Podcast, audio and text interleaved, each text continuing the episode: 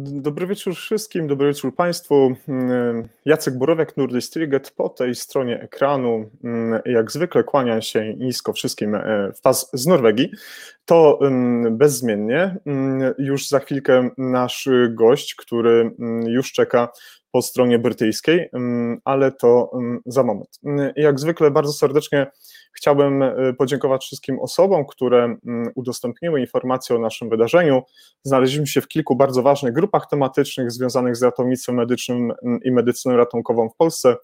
E, dziękuję Jakubowi, mm, dziękuję Tomkowi, dziękuję Prehospital Blog, dziękuję Jakubowi Nelly z ratownictwo medyczne, łączy nas e, wspólna pasja i wielu innym osobom, które dzisiaj mm, udostępniły to wydarzenie. Dzięki temu docieramy do coraz większej e, liczby osób, odbiorców, którym bliska jest tematyka ratownictwa medycznego i medycyny ratunkowej. Początek miał być dzisiaj nieco inny, bardziej optymistyczny i to nie względu na to, co się dzieje na świecie z punktu widzenia pandemii i tego, co się dzieje w, obecnie w Polsce, ale kilka godzin temu mm, obiegła cały nas, nasz medyczny świat informacja o mm, wypadku, jaki wydarzył się w Bydgoszczy. Jeden z naszych braci mm, w ratownictwie medycznym, który, który mm, jeździł motocyklem Mm, w ramach y, zespołu szybkiego reagowania właśnie w Bydgoszczy uległ wypadkowi. I e, wypadek był na tyle poważny i na tyle silny, że pomimo starań innych ratowników, strażaków, całego personelu w szpitalu, nasz brat ratownik odszedł i przeszedł na drugą stronę, gdzie będzie pełnił już swoją służbę no całe, całe wieczności. Tak więc w tym momencie mm, w imieniu swoim i całego zespołu Nordistriget chciałbym ciepło pozdrowić wszystkich, których dotknęła ta tragedia, absolutnie wszystkich, e, a rodzinę mm, e, bardzo mocno takim ratowniczym uściskiem przytulić. Wielkie kondolencje przesyłam w swoim imieniu i w imieniu wszystkich, którzy e, bardzo w tym momencie ciepło Państwa mm, pozdrawiają i, i składają naj, największe kondolencje. To są bardzo tragiczne sytuacje i, i każdy, kto, kto pracuje w takich służbach, każdy, kto wykonuje zawód, e, czy ratownika, czy policjanta, żołnierza, czy, czy, czy, czy jakikolwiek inny, gdzie są podwyższone ryzyko naszego działania, musi się z tym liczyć. Jesteśmy z Tobą, Brachu, gdziekolwiek teraz jesteś. Czuwaj nad nami. Dziękuję za Twoją służbę. A z nami jest już y, Paweł. Y, witam Ciebie, Pawle. Cześć, witam Cię, Jacku, witam Was wszystkich. Y, tak, Paweł, widzisz, no, trochę brakuje mi teraz słów, ale, ale zacznę tak bardzo, postaram się w miarę profesjonalnie. Paweł Bednaryko, który jest dzisiaj z nami, jest ratownikiem medycznym, pracuje w Wielkiej Brytanii przyjął moje zaproszenie, za co już teraz, Paweł, Tobie bardzo y, dziękuję, że znalazłeś y, czas, bo wiem, że jesteś i zajętą osobą z punktu widzenia zawodowych, ale jesteś też super tatą, który spełnia swoje obowiązki pewnie na 150% i dzięki Ci, że znalazłeś dzisiaj czas dla nas. No, nie ma z tym najmniejszego problemu. Postaram się opowiedzieć co nieco o pracy w Wielkiej Brytanii, Byłeś jedną z pierwszych osób, które na swoim profilu ratownik na Wyspach zamieścił informację o wypadku z Bydgoszczy. Również za to Tobie chciałem podziękować, bo żyjemy w takich czasach, gdzie social media, gdzie media społecznościowe no, służą też ku temu, żeby przesyłać te informacje, nawet y, te trudne i najgorsze. Mm, co sobie w pierwszej chwili pomyślałeś, kiedy usłyszałeś o tym wypadku? Wiesz, wypadki e, z udziałem naszych kolegów ratowników medycznych nigdy nie są rzeczą łatwą do przyjęcia. E, no i niestety po raz kolejny w Polsce stała się tragedia. Pożegnaliśmy kolejnego bardzo dobrego ratownika i skłania to do refleksji, przede wszystkim do refleksji na temat naszego bezpieczeństwa i na temat bezpiecznej jazdy. Czy tak naprawdę te sekundy, które zaoszczędzimy na bezpiecznej jeździe, w dojeździe do pacjenta czasami nie będą lepsze niż po prostu e, brawura i szybkość, która niestety często e, powoduje w naszych e, polskich realiach wypadki z udziałem pojazdów uprzywilejowanych. Hmm. Nie wiem, jak w tej sytuacji było, ale myślę, że trzeba czasami troszkę zdjąć nogę z gazu i pomyśleć o sobie w końcu wszyscy kiedyś chcemy wrócić zawsze z dyżuru do naszych rodzin, do naszych domów i to jest najważniejsze. No tak powiedziałeś, y, mamy też taką tendencję w Polsce, gdzie mm, ta prędkość na drogach, y, mówię o użytkownikach dróg, no właśnie y, rzadko się zdarza, że użytkownicy myślą jakby o innych i, i często jest taka sytuacja, że prowadzimy pojazd i gdzieś tam nie zwracamy uwagi na lusterka boczne, czy nawet to wsteczne i nie, nie, nie, nie, nie słyszymy sygnałów, nie, nie widzimy blue lights pojazdu, który nadjeżdża i zbliża się a ci ratownicy, my ratownicy musimy trochę czasami mm, y, jakby przyspieszyć, żeby do tego pacjenta mm, y, dotrzeć. Przykra sytuacja i tak jak powiedziałem na początku, jeszcze raz y, mm, Nordic i, i z pewnością cała brać ratownicza, która w Wielkiej Brytanii dołącza się do tych ciepłych uścisków dla, dla wszystkich, których ta tragedia dotyczy. Paweł, opowiedz krótko o sobie jak to się stało, że w ogóle e, stałeś, zostałeś ratownikiem medycznym w Polsce? Jak to się stało, że tym ratownikiem medycznym zdecydowałeś się być w Wielkiej Brytanii? E, Jacku, to jest dość długa historia. Przede wszystkim w Polsce byłem ratownikiem medycznym przez 11 e, lat.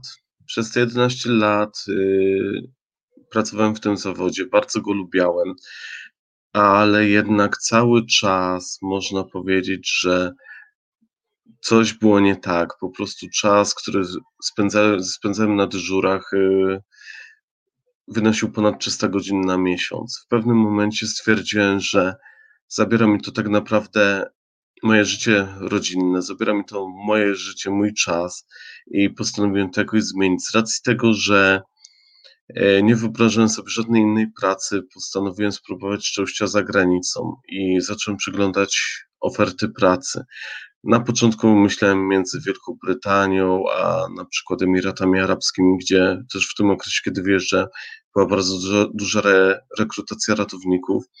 Jednak tak jakoś e, los sprawił, że znalazłem się na brytyjskich wyspach, no i szczerze mówiąc nie żałuję tego ta przygoda z ratownictwem tutaj zaczęła się dość ciekawie, ponieważ e, znalazłem jedną z firm, które rekrutowały pracowników, e, polskich ratowników do Wielkiej Brytanii. W tym momencie była to rekrutacja do pogotowia w północno-zachodniej Anglii. Cały proces rekrutacji był długi, złożony, skomplikowany. Na pewno nie przypomniał żadnego procesu rekrutacji, który przechodziłem kiedykolwiek w Polsce, ale warto było, opłaciło się i po tych paru miesiącach zostałem ratownikiem medycznym w Wielkiej Brytanii. Hmm. A powiedz mi, mm, powiedz mi, Pawle, mm, z punktu widzenia proceduralnego, od momentu, kiedy wymyśliłeś sobie, że fajnie byłoby uprawiać zawód y, y, tak zwanego ratola na wyspach, do momentu, kiedy wszedłeś fizycznie pierwszy raz do karetki na swój dyżur, ile minęło czasu jakbyś mógł w kilku zdaniach opisać cały ten proces y, legislacyjny wpuszczenia cię jakby do systemu. E, mogę opisać to. U mnie było to może troszeczkę inaczej niż y, jest w tej chwili, ponieważ e, bardzo mi pomogła firma, która rekrutowała paramedyków e, z Polski, ratowników medycznych z Polski. Jednak e, brytyjski system jest troszkę inny niż polski, jeżeli chodzi o rekrutację. Oni chcą mieć tutaj pewność, że jesteś tak zwanym dobrym człowiekiem, czyli że po prostu jesteś uczciwą, rzetelną osobą, która e, potrafi pracować na danym stanowisku. E, dlatego też wymagane były Między innymi na początku była to rozmowa kwalifikacyjna w języku angielskim przeprowadzona przez e, dwóch oficerów e, z danego pogotowia ratunkowego. Następnie był to test kliniczny, był to test e, z bezpiecznej jazdy, bo trzeba przyznać, że tutaj bardzo dużo uwagi zwraca się na bezpieczną jazdę, gdzie po prostu po przejściu tych testów miałem zielone światło do dalszego postępowania. W dalszym postępowaniu między innymi trzeba było zrobić e, prawo jazdy kategorii C lub C1. E, trzeba było przygotować referencje z Polski, gdzie po prostu e, moi, moi referenci, kierownicy danych e, stacji pogotowia wypowiadali się pozytywnie na mój temat, a także mieć przygotowane referencje od osoby, która zna mnie minimum 3 lata, ale jest osobą zaufania społecznego. Może to być lekarz, może to być e, prawnik, może to być policjant, może być ksiądz, ale zaświadcząca o tym, że jestem dobrym człowiekiem. E, cały proces zdobywania dokumentów, bo wymagane były również dokumenty ze szkół. U mnie była taka sytuacja, że dwie szkoły, w których po prostu zdobywałem swoje umiejętności, e, już zostały zamknięte, także tutaj musiałem troszkę, że tak powiem, e, pomanewrować, żeby zdobyć e, zaświadczenia z tych szkół, ale cały ten proces zajął mi praktycznie około 6 miesięcy. Po tych 6 miesiącach, kiedy udało mi się E, wszystkie formalności spełnić, e, zostałem skierowany wraz z moimi innymi polskimi kolegami na kurs e, przygotowawczy. To było coś niesamowitego dla mnie, po prostu myślałem tak, kurczę, Oczywiście wszyscy nam mówią, że nas przeszkolą, ale znając polską rzeczywistość, będzie to wyglądało tak, że przyjdziesz na stację pogotowia, spędzisz tam parę godzin i fru, musisz jeździć. W końcu wszędzie było powtarzane, że ratowników Wielkiej Brytanii brakuje, jesteśmy potrzebni. I to był tak naprawdę e, bardzo duży stres dla mnie, ale bardzo szybko y, po rozpoczęciu właśnie tego szkolenia przekonałem się, że nie, nie jest to nic bardziej mylnego, ponieważ mieliśmy praktycznie tydzień indukcji, w którym tak naprawdę przygotowywano nas, e, pokazywano nam ten system brytyjski. Następnie mieliśmy dwa tygodnie jazdy zwykłymi cywilnymi samochodami, żeby oswoić się e, z jazdą po lewej stronie ulicy e, w ruchu lewostronnym, a Następnie mieliśmy cztery tygodnie kursu przygotowującego nas do jazdy na, jako pojazd, e, pojazdem i z racji tego, że w Anglii ten kurs nie trwa jak w Polsce parę godzin, ale trwa on 160 godzin. Jest to wiele godzin praktyki, żeby po prostu oswoić się z pewnymi sytuacjami na drodze i przyswoić sobie specyficzne myślenie i uwrażliwienie na pewnego rodzaju niebezpieczeństwa. E, po tym kursie mieliśmy kolejne cztery tygodnie kursu klinicznego, który przygotował nas do pracy na drodze i przez pewien okres czasu pracowaliśmy jako trzeci na zespole, po prostu jako obserwatorzy, przygotowując się do e, systemu pracy, poznając leki, poznając standardy, poznając procedury. Także nie byliśmy w ogóle wypuszczeni na żywioł. Hmm. Bardzo dużo intensywnej nauki, tak nie mam, bardzo dużo rzeczy do przyswojenia, bardzo dużo rzeczy do nauczenia się, ale chyba mogę, może też troszeczkę z własnego doświadczenia mogę powiedzieć, że chyba dużo trudniejsze czasami to takie trochę mentalne przestawienie się na inny system. Oczywiście inny język, inna kultura, albo jej wielokrotność, bo Wielka Brytania, no to bardzo mm, duża mm, grupa ludzi z wielu y, stron świata. Jak, jak radziłeś sobie akurat z tymi kwestiami? Bo o, o, z pewnością o wiedzę, umiejętności mm, chyba się nie trzeba było martwić, bo jak wiemy, polscy ratownicy medyczni są uznawani za jednych z najlepszych na świecie. Nie tak dawno, bodajże dwa lata temu, odbywały się między, między, Europejskie Mistrzostwa Ratownictwa Medycznego, gdzie właśnie Euro, ratownicy z Polski zajęli drugie miejsce. Jak radziłeś sobie właśnie z tymi największymi trudnościami przestawienia się na inny y, język, kulturę, mentalność pracy i funkcjonowania tam? Jejku, to było bardzo ciężkie. E, pierwsze e, dosłownie kilka miesięcy myślałem, że raczej nie wytrzymam i że będę chciał wrócić do swojego systemu. Systemu, który bardzo dobrze znałem, systemu, w którym się dobrze poruszałem. Ale po prostu, jak mi to powiedział jeden z moich e, kolegów, Brytyjczyk, paramedyk z wieloletnim stażem, po prostu, jeżeli się po prostu zaczęło gdzieś pracować, trzeba się do tego przyzwyczaić, bo jeżeli się e, nie przyzwyczaję, to w tym momencie e, zawsze będzie mi źle. No, no i po jakimś roku doszedłem do stopnia, gdzie tutejszy system zaakceptowałem. Oczywiście jest bardzo ciężko, ponieważ nie mogę korzystać z e, całej palety leków, jaką miałbym dostępny, dostępną w Polsce. Nie mogę e, używać tych leków, że tak powiem, w każdej sytuacji, kiedy użycie ich jest jakimś tam benefitem dla pacjenta, ponieważ jestem ograniczony tutaj brytyjskimi stan standardami. Jest, było z tym bardzo ciężko, ale w tym momencie się przyzwyczaiłem i w sumie jestem bardzo zadowolony z pracy tutaj w Wielkiej Brytanii. Jeżeli chodzi natomiast o język, jejku, na początku to było ciężkie. E, ostatni raz w sumie kontakt z językiem angielskim to miałem chyba na studiach, to było około e, tak myślę, 9 lat przed moim wyjazdem do Wielkiej Brytanii i przyjechałem od razu na północ Anglii. Jak wiadomo, Anglia jest podzielona na bardzo duże e, tutaj dialekty językowe. Praktycznie dialekt zmienia się co 20 e, mil i było mi bardzo ciężko się odnaleźć, szczególnie, że niejednokrotnie pracowałem z ludźmi pochodzącymi z innej części Anglii, którzy rozmawiali w zupełnie innym akcencie i przez pół zmiany tak naprawdę dochodziłem do, mój mózg dochodził do e, poziomu, w którym zaczynałem rozumieć tych ludzi. No, aczkolwiek udało się. Hmm. Udało się, no i jest po tych e, już prawie 4,5 roku jest dużo lepiej niż było wcześniej. I znowu mógłbym podzielić się swoimi doświadczeniami, chociaż one nie są dzisiaj ważne, mm, ale mogę powiedzieć tak, Paweł, doskonale Ciebie rozumiem. Doskonale rozumiem, kiedy nagle trzeba się mm, odnaleźć w zupełnie innych realiach. Są z nami już widzowie i widzowie z nami są od samego początku i witam wszystkich mm, bardzo serdecznie. Ja jest, witam. jest z nami Michał Czerwiński, który również jest ratownikiem polskim, który jest na Wyspach. Michale, witam Ciebie. Miło, że dzisiaj znalazłeś trochę czasu. Mam nadzieję, że Twoje zdrowie y, bardzo szybko wraca na prawidłowe tory. Jest z nami Sebastian y, Wietrzyński, świetny facet, świetny człowiek, o którym już wcześniej wspominałem. Jest też Marek Wojewoda, y, słucha, pozdrawia i, i, i komentuje jak zwykle bardzo miło, za co jesteśmy wdzięczni.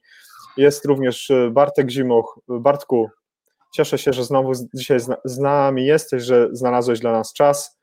Mm, jest y, i od razu Michał napisał, Michał, czy mógłbyś o tych swoim mm, sugestii tematu napisać w komentarzach, ja przerzucę to od razu do Pawła i będziemy mieli pogląd na to. Nie chciałbym czegoś pominąć czy przeinaczyć, bo to są kwestie związane z rejestracją w HCPC, takie rzeczy, więc jeśli możesz, to pa, Michale, pytania czy sugestie wklej proszę w komentarzach pod wydarzeniem i to się od razu u nas mm, pojawi.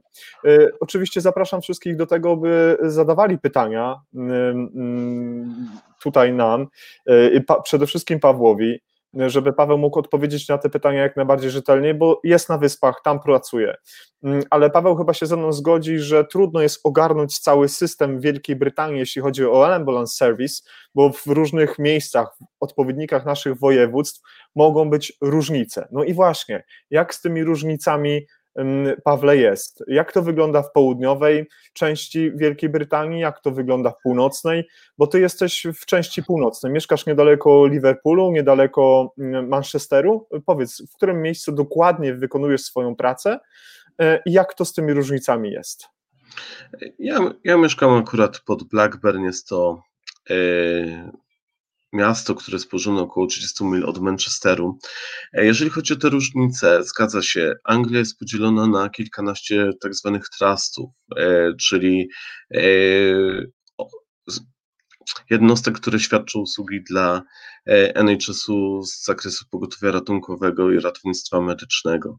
Jeżeli chodzi o każdy z tych trustów, Posiada on swoje własne procedury, swoimi własnymi regulacjami decyduje, które leki można podawać i w których sytuacjach. E, decyduje o sprzęcie, decyduje o systemie triażowania, ale także decyduje o, e, o personelu, który pracuje i kwalifikacjach. W większości są, jeśli chodzi o kwalifikacje, jest to to samo, aczkolwiek e, w różnych trustach e, różne zawody posiadają różną nazwę. Tak jak u nas są na przykład Emergency Medical Technicians, e, w sąsiednim traście, czyli na przykład w południowo-wschodniej Anglii, będą to Emergency Car Assistanci, czy coraz bardziej popularniejszy staje się nowy zawód, który wchodzi w miejsce właśnie techników. Jest to AAP, Associate Ambulance Practitioner, który już będzie mógł troszkę więcej podawać leków, troszkę bardziej skomplikowane procedury prowadzić niż technicy i będzie to z dużym benefitem dla naszych pacjentów tutaj. Natomiast jeżeli chodzi o różnice, są one duże i ponieważ tak naprawdę każdy teraz ma swój system komputerowy, ma swój system przyjmowania zgłoszeń, ma swoją kodyfikację. Widać to bardzo często, ponieważ ja pracuję na pograniczu właśnie Northwest Ambulance Service i Yorkshire, kiedy współpracujemy na przykład z kolegami z Yorkshire, oni mają zupełnie inne leki, które mogą podać e, pacjentom w innych sytuacjach niż my i czasami tutaj dochodzi do dość e, e, miłego zaskoczenia, ponieważ jesteśmy w stanie siebie nawzajem uzupełnić z lekami. Hmm. To, czyli rozumiem, że bywasz czasami w takich sytuacjach, że koledzy z o, sąsiedniego obszaru, okręgu mają po prostu więcej preparatów medycznych, które mogą być zastosowane w sytuacji, kiedy ty ich fizycznie po prostu nie posiadasz, tak? E, dok dokładnie tak. E, jeżeli chodzi o różnice właśnie między pogotowiami.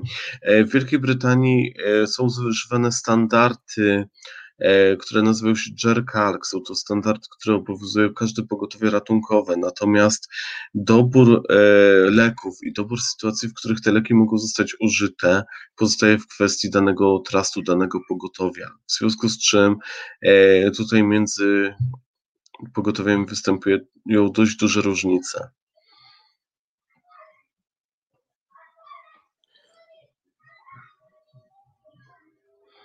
Jest to też na przykład taka różnica, że u nas na przykład w e, Northwest Ambulance Service jeszcze w tym momencie e, my jako paramedycy posiadamy prawo do intubowania pacjenta i możemy intubować pacjenta w przypadku zatrzymania krążenia. E, w naszych sąsiednich trustach, czyli na przykład Yorkshire czy West Midlands, ten przywilej intubacji został już y, z parametyków zdjęty no, dobre kilkanaście miesięcy temu. Nas niestety też y, się do tego przymierzamy i prawdopodobnie od grudnia stracimy możliwość intubowania na rzecz tego, aby e, intubację przeprowadzali tylko i wyłącznie bardziej doświadczeni senior paramedycy czy advanced paramedycy, którym we, e, którzy robią to na co dzień i zajmie im to na pewno mniej czasu i zrobią to dużo skuteczniej niż normalny paramedyk, który ma możliwość intubacji zaledwie kilka razy w roku. Mm. A powiedz mi, kto zajmuje się zebraniem takich danych, takich informacji, ile procedur e, MCR-ów takich na takim poziomie advanced z intubacją mm, dotchawiczą jest wykonywanych przez zespół, przez człowieka? Czy są jakieś właśnie systemy informatyczne, które szczytują konkretne procedury medyczne z Twojej karty elektronicznej, jaką masz w systemie? Czy raportujecie każdą kartę MCR-u na przykład do jakiegoś miejsca, albo jest osoba, która zajmuje się tym i wie, że w danym roku Waszej stacji właśnie zaintubowano na, na przykład, nie wiem, 350 pacjentów albo, albo wykonano inne, inne procedury. Jak to wygląda, żeby móc ewentualnie odsunąć od Was konieczność y, stosowania intubacji dotchawiczej, wstawiając w to alternatywne sposoby udrożnienia dróg oddechowych? E, przede wszystkim tutaj musimy zwrócić uwagę na to, że system brytyjski od wielu lat jest systemem przygotowanym do zbierania różnorakich danych. E, tak naprawdę Każda karta e, wyjazdowa tutaj składa się e, z wielu tickboxów, które są po prostu zapisywane w bazie danych i zliczane do potrzeb statystycznych. Dzięki temu wiadomo, e, jakie leki są oczywiście podawane, jakie procedury są oczywiście wykonywane oraz tak samo jest tutaj zapis odnośnie intubacji, czy była ona skuteczna, czy nie była ona skuteczna, ile było prób intubacji. I kolejnym takim jeszcze ważnym źródłem, na przykład jeżeli chodzi o intubację, jest e, feedback, czyli odpowiedź ze szpitala. E, szpital bardzo często przekazuje informacje, na przykład, że pacjent był e, przy przywiezieniu do szpitala źle zaintubowany i no, było to krzywdzące dla pacjenta. Jeżeli, jeżeli właśnie chodzi o to, kto decyduje o ilości, e, o tym, czy zdjąć z nas intubację, czy nie, już HCPC i wiele innych organizacji medycznych od wielu miesięcy w Wielkiej Brytanii e, mówiły o tym, że po prostu intubację powinny wykonywać osoby, które ma, e, mają możliwość intubacji przynajmniej kilka razy w miesiącu, żeby ta intubacja była jak najlepiej przeprowadzona. A badania, które były prowadzone parę lat temu w Wielkiej Brytanii na terenie wszystkich trustów, e, to były badania Airways, e, wykazujące różnice pomiędzy e, przeżywalnością pacjentów, którzy zostali zaintubowani, a pacjentów, u których wprowadzono alternatywną metodę, w tym przypadku rurkę, maskę krtaniową iGel, pokazuje, że różnica w przeżywalności tych pacjentów jest nie aż tak wielka, żeby po prostu e, móc e, zastąpić te dwa po prostu źródła odróżnienia dróg oddechowych. I mhm. w tym momencie tak naprawdę dalej będzie możliwość intubacji pacjentów, którzy potrzebują tego na przykład z zaburzeniami dróg oddechowych, ponieważ jesteśmy w stanie zawsze o to poprosić lekarzy, jesteśmy w stanie poprosić na miejsce advance paramedyka, który jest w stanie tego dokonać, a do zwykłego zabezpieczenia dróg oddechowych przy zatrzymaniu krążenia czy osób nieprzytomnych możemy użyć e, tlenowych iGel, które są szybkie w użyciu, wygodne i działają dobrze. Powiedz mi zatem, jak reaguje środowisko medyczne, twoi koledzy, koleżanki, z którymi pracujesz na, na co dzień, na wszelkiego rodzaju zmiany systemowe, które są wprowadzane jakby mm, wewnętrznie po przeanalizowaniu, ile takich intubacji dotchawiczych zostało wykonane, ale albo na przykład kiedy wprowadza się nowe procedury. Spotyka się to z dużym oporem środowiska medycznego, czy raczej ludzie przyjmują to w ten sposób, że mm, skoro zostało to przebadane, przetestowane przez mądrzejszych od nas ludzi posiadających większe doświadczenie, to czemu trzeba temu zaufać i to robić? Y, czy raczej stawiamy się okoniem? Tutaj u nas, Jacku, jest o tyle taka sytuacja, że jeżeli się wprowadza jakiekolwiek nowe leki, jeżeli się wprowadza jakikolwiek nowy sprzęt medyczny, e, czy nowe procedury, już parę miesięcy przed tym, kiedy będziemy mogli oficjalnie i legalnie tych środków użyć, prowadzi się szkolenia personelu. Są to e, na przykład e, lekcje online, są to lekcje pokazowe na stacjach, czy na naszych e, takich e, niezbędnych treningach, które, gdzie po prostu ten sprzęt musimy wypróbować, przetestować i tak naprawdę dzięki temu jesteśmy przygotowani. Czy jest duży opór środowiska? Nie, nie powiedziałbym. To ludzie, którzy pracują w brytyjskim systemie, e, są e, przyzwyczajeni do zmian, ponieważ o ile w Polsce po tych zaledwie kilku nowelizacjach e, ustawy o Państwowym Ratownictwie Medycznym, e, e, czy też rozporządzenia o medycznych czynnościach ratunkowych nie było nic wielkiego, tak w Wielkiej Brytanii przez okres tych czterech lat, kiedy ja już tutaj pracuję, doszło do bardzo dużych zmian. Doszło do dużych zmian w systemie triażowania pacjenta, doszło do bardzo dużych zmian, jeżeli chodzi o wyposażenie czy uprawnienia. I wszyscy raczej przyjmują to normalnie po prostu. Po parę miesięcy po rozpoczęciu e, działania w takim systemie staje się już to normą. Hmm. Dlaczego to pytam? Bo często, kiedy rozmawiam z moimi kolegami w Polsce, koleżankami, które, które z pewnością ty i ja mamy bardzo wielu nadal, no właśnie dzielą się różnymi sytuacjami, które, które no, czasami wyglądają trochę dziwnie, kiedy są pewne nowe procedury wprowadzane i zarówno z punktu widzenia samych wprowadzających i tych osób, które otrzymują możliwość jakby pozyskiwania nowej wiedzy, umiejętności, no są pewne takie mm, ogniwa, które nie do końca działają. Ale myślę, że na ten temat y, będę mógł porozmawiać w przyszłym tygodniu z moim gościem, którego później przedstawię, żeby ciebie dalej z tego akurat y, podwórka już nie męczyć, bo teraz jesteś w Wielkiej Brytanii, y, to mm, y, przejdziemy dalej do, kolejnej części rozmowy. Mm, skorzystamy z, tutaj z podpowiedzi i komentarzy Michała, które mm, już y, wpisał w komentarzu i one są takie. Warto wspomnieć o rejestracji w będę używał słowa polskiego w HCPC i JRCALC w ramach których musimy operować. I tutaj może taki komentarz przyjacielski. Na początku pewnie Paweł też miał obawy z korzystania z książeczki. Co to za zwroty, co to za hasła, co to za procedury i co to, to ta książeczka jest, bo to mnie ciekawi. No to zacznijmy od początku. HCPC, e, czyli Health and Care Professional Council, jest to instytucja, która rejestruje osoby z wykształceniem medycznym, takim jak na przykład ratownicy medyczni czy fizjoterapeuci na terenie Wielkiej Brytanii. Bez takiej rejestracji nie jesteśmy w stanie wykonywać pracy jako paramedyk. E, po zarejestrowaniu otrzymujemy swój własny numer który jest używany po prostu do wpisywania na kartach wjazdowych do wszystkich procedur, które wykonujemy i po tym numerze jesteśmy rozpoznawani, że jesteśmy aktualnie zarejestrowani właśnie w tej instytucji.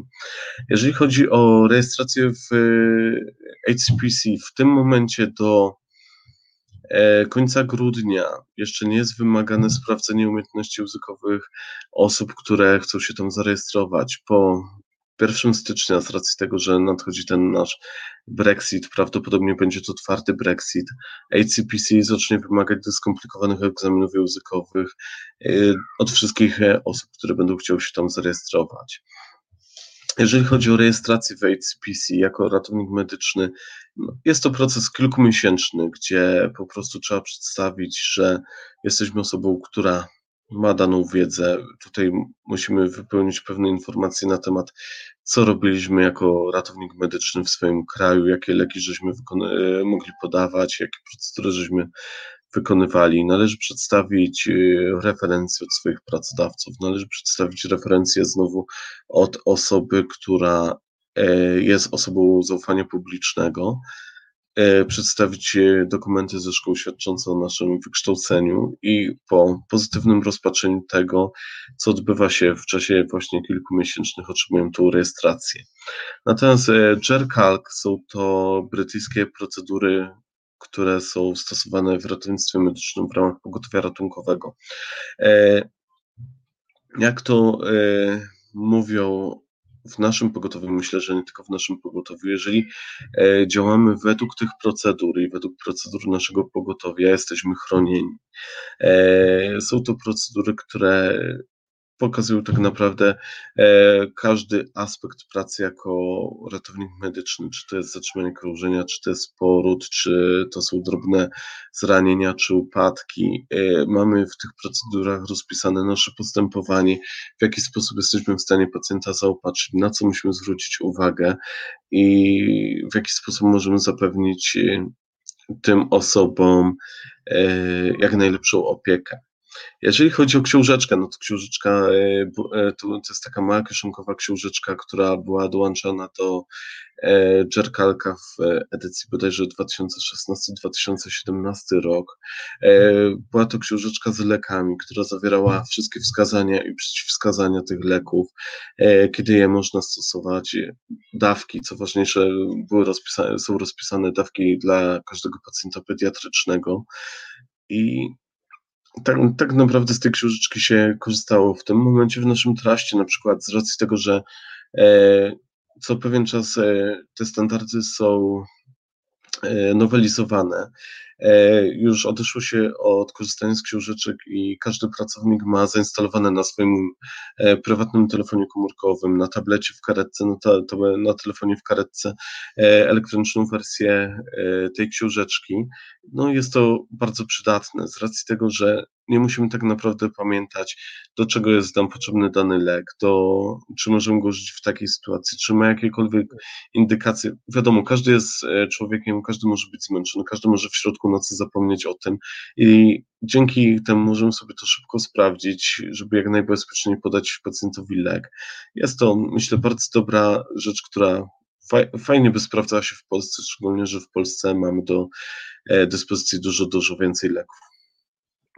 No właśnie z tą różnicą w posiadaniu preparatów medycznych, leków y, y, spotykam się bardzo często. Osobiście spotykam się z tym codziennie, y, rozmawiając z kolegami, z koleżankami, które pracują przy systemie brytyjskim, czy w Niemczech, czy, czy w innych miejscach. Zresztą bardzo dużo informacji ciekawych na, na, na ten temat możemy zdobyć między innymi na takich mm, forach, portalach internetowych, gdzie między innymi Jakub jest administratorem i, i, i, i również twój portal, czy, czy, czy taki profil społecznościowy pokazuje o tych, tych, tych różnicach i o tych lekach, ile jest tutaj, ile jest tutaj, jakie mamy możliwości wykorzystania tych narzędzi w rzeczywistości. Jakby nie będziemy dzisiaj o tym rozmawiać, bo te informacje są bardzo mocno dostępne. Skupimy się też za chwilkę o tym, żeby powiedzieć, jakie są takie największe różnice patrząc na wnętrze karetki polskiej i patrząc na wnętrze karetki brytyjskiej. U nas śmiejemy się, że jakby ktoś tak wszedł do norweskiej karetki, to by powiedział, kiedy was okradli i dlaczego tak długo, dużo zabrali. U nas tak to y, y, wygląda.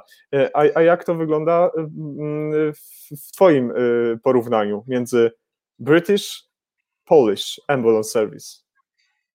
E, no na pewno powiem Ci, że jeżeli chodzi o polskie karetki, jakoś tak bardzo lubię ten nasz design polski w środku. Wiele karetek jest bardzo dobrze zrobionych. Uważam, że sprzęt jest porównywalny, jeżeli chodzi o ten, który mamy do dyspozycji w Polsce i w Wielkiej Brytanii. E, jeżeli chodzi o defibrylatory, wszędzie mamy defibrylator dwufazowe z możliwością zrobienia EKG, mamy respiratory, mamy najważniejszy sprzęt do unieruchomienia pacjenta. E, jeżeli chodzi o urządzenia do kompresji klatki piersiowej, w tym momencie ze względu na pandemię, na przykład w moim traście poszło to o krok do przodu i nagle zakupiono dość dużą ilość tych urządzeń, tylko są one na, dostępne na samochodach szybkiego reagowania, także nie znajdują się w każdej karetce.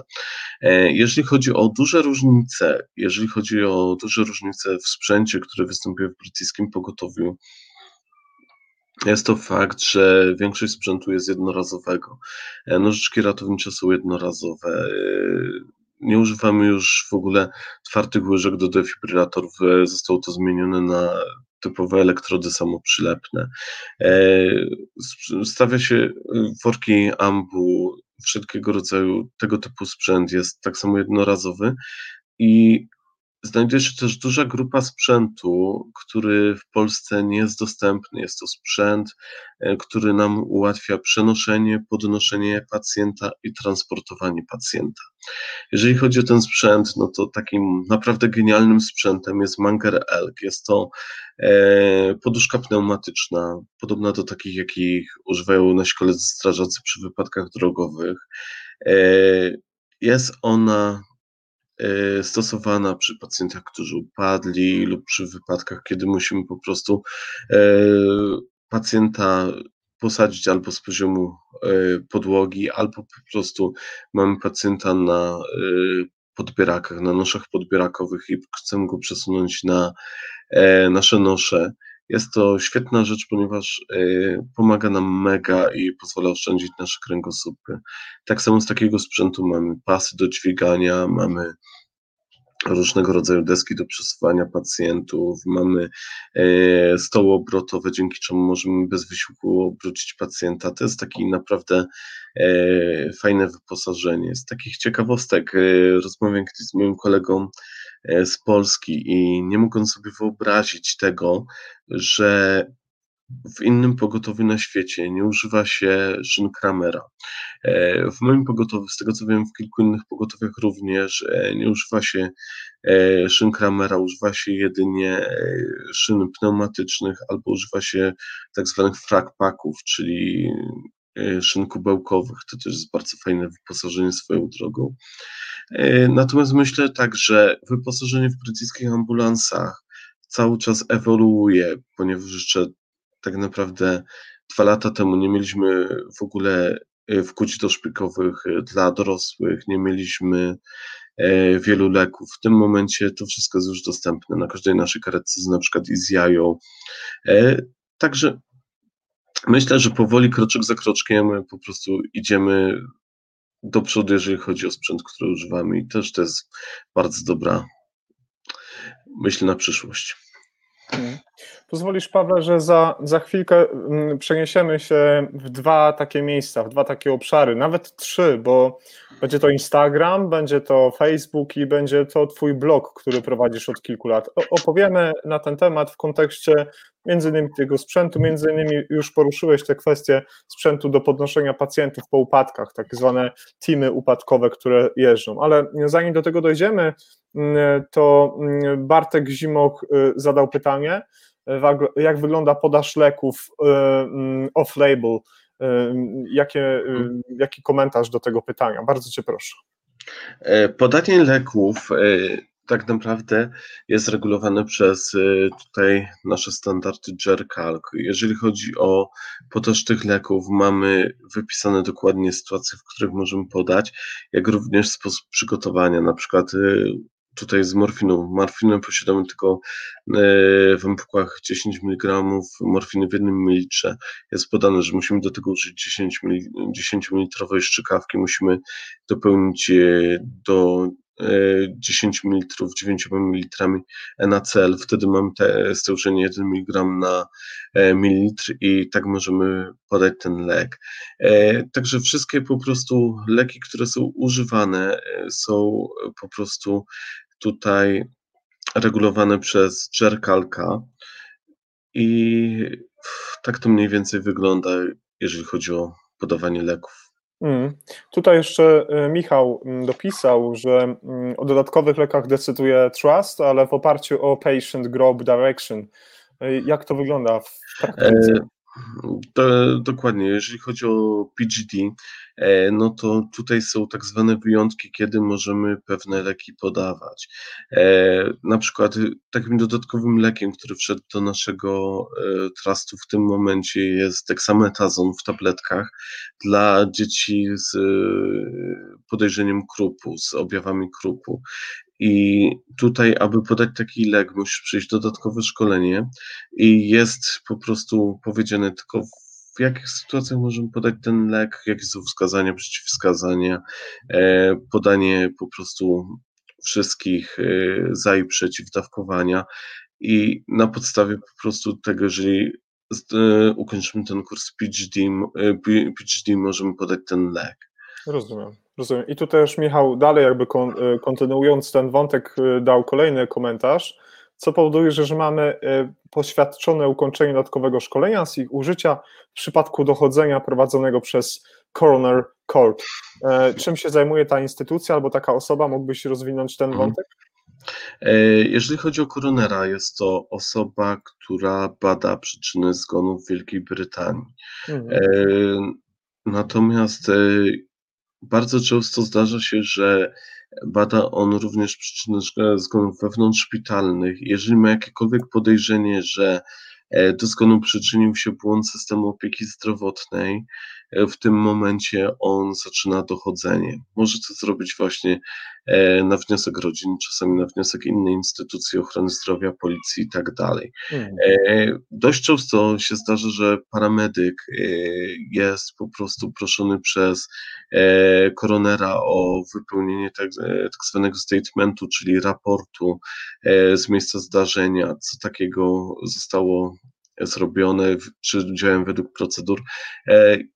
Jest to o tyle ciekawe, że koronerem jest zwykle ktoś, kto ma wykształcenie medyczne, to najczęściej e, jakiś klinicysta.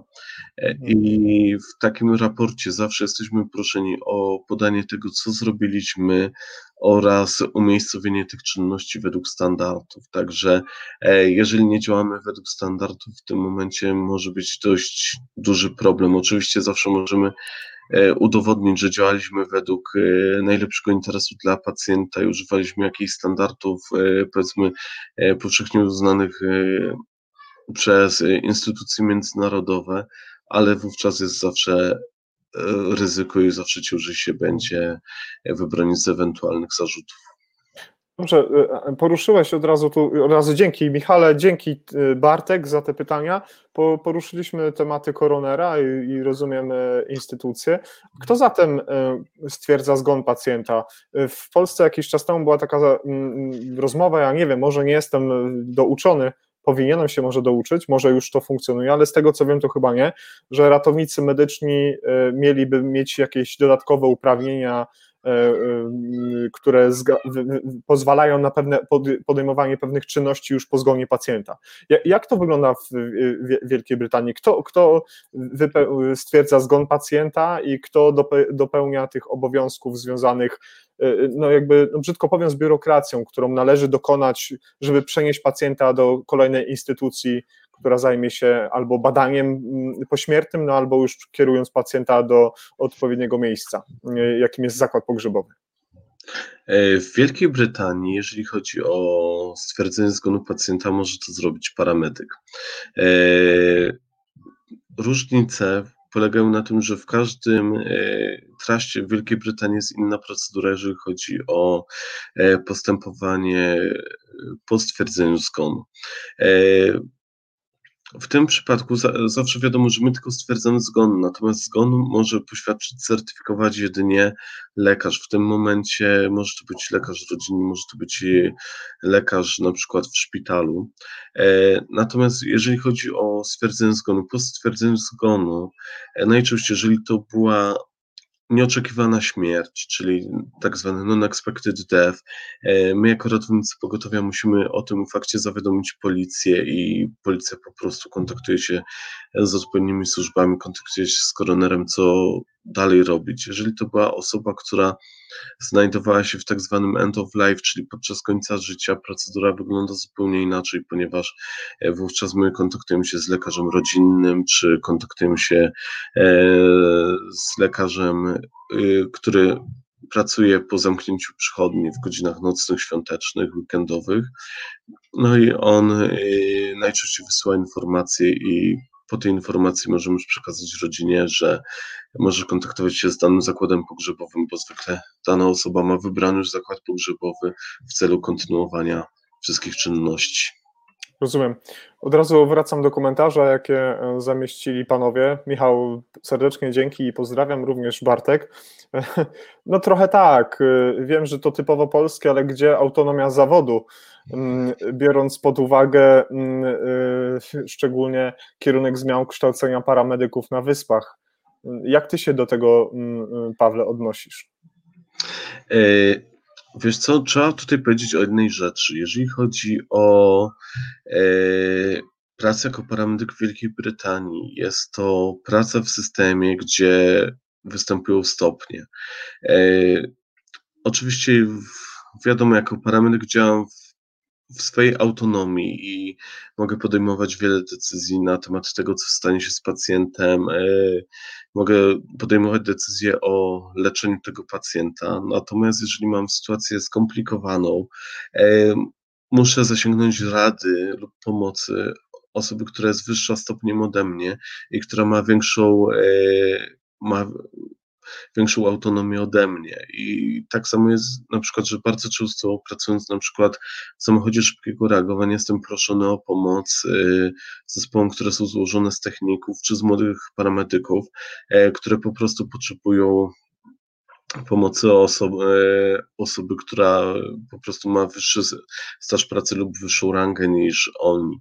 Także jest to zupełnie inny system pracy niż e, system pracy w Polsce. I tutaj po prostu trzeba to zrozumieć, zaakceptować i tak naprawdę e, wi wiadomo, ta autonomia jest na pewno dużo mniejsza niż w Polsce, ale trzeba zwrócić uwagę, że wiąże się to z Twoim bezpieczeństwem, z bezpieczeństwem pacjenta, żeby wszyscy pacjenci byli leczeni na tym samym poziomie oraz tak samo bezpieczeństwem firmy, która Cię zatrudnia, ponieważ jeżeli popełnisz jakiś błąd, prawdopodobnie on będzie kosztował setki tysięcy funtów tą firmę i z racji tego, że trzeba będzie zapłacić to odszkodowanie, e, nie będzie pieniędzy na zakup na przykład now, now, nowego sprzętu. Mhm. A czy ty jako ratownik medyczny w Wielkiej Brytanii, czy pracując w zespole wyjazdowym dwuosobowym, czy jako e, paramedyk single unit, o którym będziemy rozmawiać za chwilkę, czujesz się bezpieczny z punktu widzenia, że system o ciebie dba, że masz za sobą backup, wsparcie, które chroni cię. Oczywiście, jeżeli przestrzegasz zasad i reguł, wykonujesz, wykonujesz zgodnie z tym, co jest w słowie pisanym bądź aplikacji elektronicznej, masz to poczucie, że jesteś chroniony w jakiś sposób przez system, czy też nie? Wiesz co, myślę, że mam to poczucie. Miałem parę sytuacji, w których po prostu e, były to albo bardzo trudne zdarzenia i po prostu e, sam byłem postawiony przed decyzją, co e, mam zrobić. W tym momencie, jeżeli nie chciałem na siebie brać tej odpowiedzialności, zawsze mogę się skontaktować z jakimś e, osobą wyższą rangą ode mnie i ona podejmuje za mnie tą decyzję. Miałem kilka sytuacji, w których po prostu e, rodzina pacjenta w jakiś sposób e, składała e, po prostu roszczenia na temat po prostu podjętego leczenia, ale na podstawie tego, że robiłem e, wszystko lega artis, według brytyjskich standardów po prostu byłem bezpieczny i e, nie, nie obyło się to w żaden sposób na mnie. Co najwyżej musiałem po prostu napisać drobne wyjaśnienia e, dla mojego menadżera, co takiego się stało w tym miejscu, jak zareagowałem, co takiego hmm. zrobiłem i to było wszystko. Czy taki, czy taki menadżer raczej jest twoim partnerem i z założenia czujesz, że masz w nim wsparcie, czy to jest taki z założenia zły wujek, który powinien wyłapać wszystkie błędy, żeby ich nie popełniać w, w przyszłości? E, wiesz co, tutaj jeżeli chodzi o Wielką Brytanię, to bardzo du e, duży nacisk kładzie się na szkolenie menadżerów, e, żeby oni po prostu byli takimi liderami, czyli liderami, którzy mają ci pomóc. Jeżeli widzą, że sobie z czymś nie radzisz, oferują tobie tą pomoc. Nie spotkają się z czymś takim jak w Polsce, że po prostu zrobi się coś złego albo się nie do końca zrozumie o co w jakiej sytuacji chodzi i nagle ktoś po prostu wpędza cię w kłopot z, te, z, tego powodu. Dlatego ten system jest dość bardzo przyjazny dla e, ludzi, którzy w nim pracują. Rozumiem. E, komentarz od Michała, który na, napisał kilka minut wcześniej, e, już go teraz wkleję. Oczywiście zapraszam wszystkich do tego, by zadawali pytania Pawłowi. Będziemy je tutaj przekazywać na żywo i będziemy czekać na komentarze. Michał napisał, że w moim pogotowiu istnieje stanowisko medical advisor, który na telefon może pozwolić na przykład na podanie e, jakiegoś specyficznego leku, mm, e, zgodnie spoza wytycznych, które nakłada się na obowiązki e, takiego ratownika czy paramedyka czy to są leki, które możemy powtórzyć daną dawkę, może ją zwiększyć i tak dalej, i tak dalej. Niby bardziej skomplikowane, ale chroniące moją decyzję, no i takie RWD trochę działające. Zgodzisz się z tym, y, że również w waszej y, truście tak jest, bo tak chyba to brzmi? E, wiesz co, w każdym trasie jest takie stanowisko. U nas akurat to się nazywa Clinical Support Hub, czyli e, stanowisko, gdzie e, dyżuruje bardzo dużo ludzi ze starszym stopniem. Są to nie tylko seniorzy advanced paramedycy, są to także farmaceuci, są to na przykład pielęgniarze ze specjalnością pielęgniarstwa psychiatrycznego, którzy danych trudnych sytuacjach są w stanie okazać Tobie wsparcie, na przykład wskazać dany kierunek. I bardzo często też e, dzwoni się właśnie tutaj e, o pomoc. E, właśnie nieraz masz, masz jakąś ideę, na przykład coś robiłeś w Polsce, uważasz, że jest to dobre dla pacjenta. Zależy na kogo się trafi, ale bardzo często się okazuje, że ta osoba się z Tobą zgodzi, dobra, zrób to, myślę, że to będzie dobre i w ten sposób jestem w pewien sposób chroniony i pacjent y, też na tym zyskuje.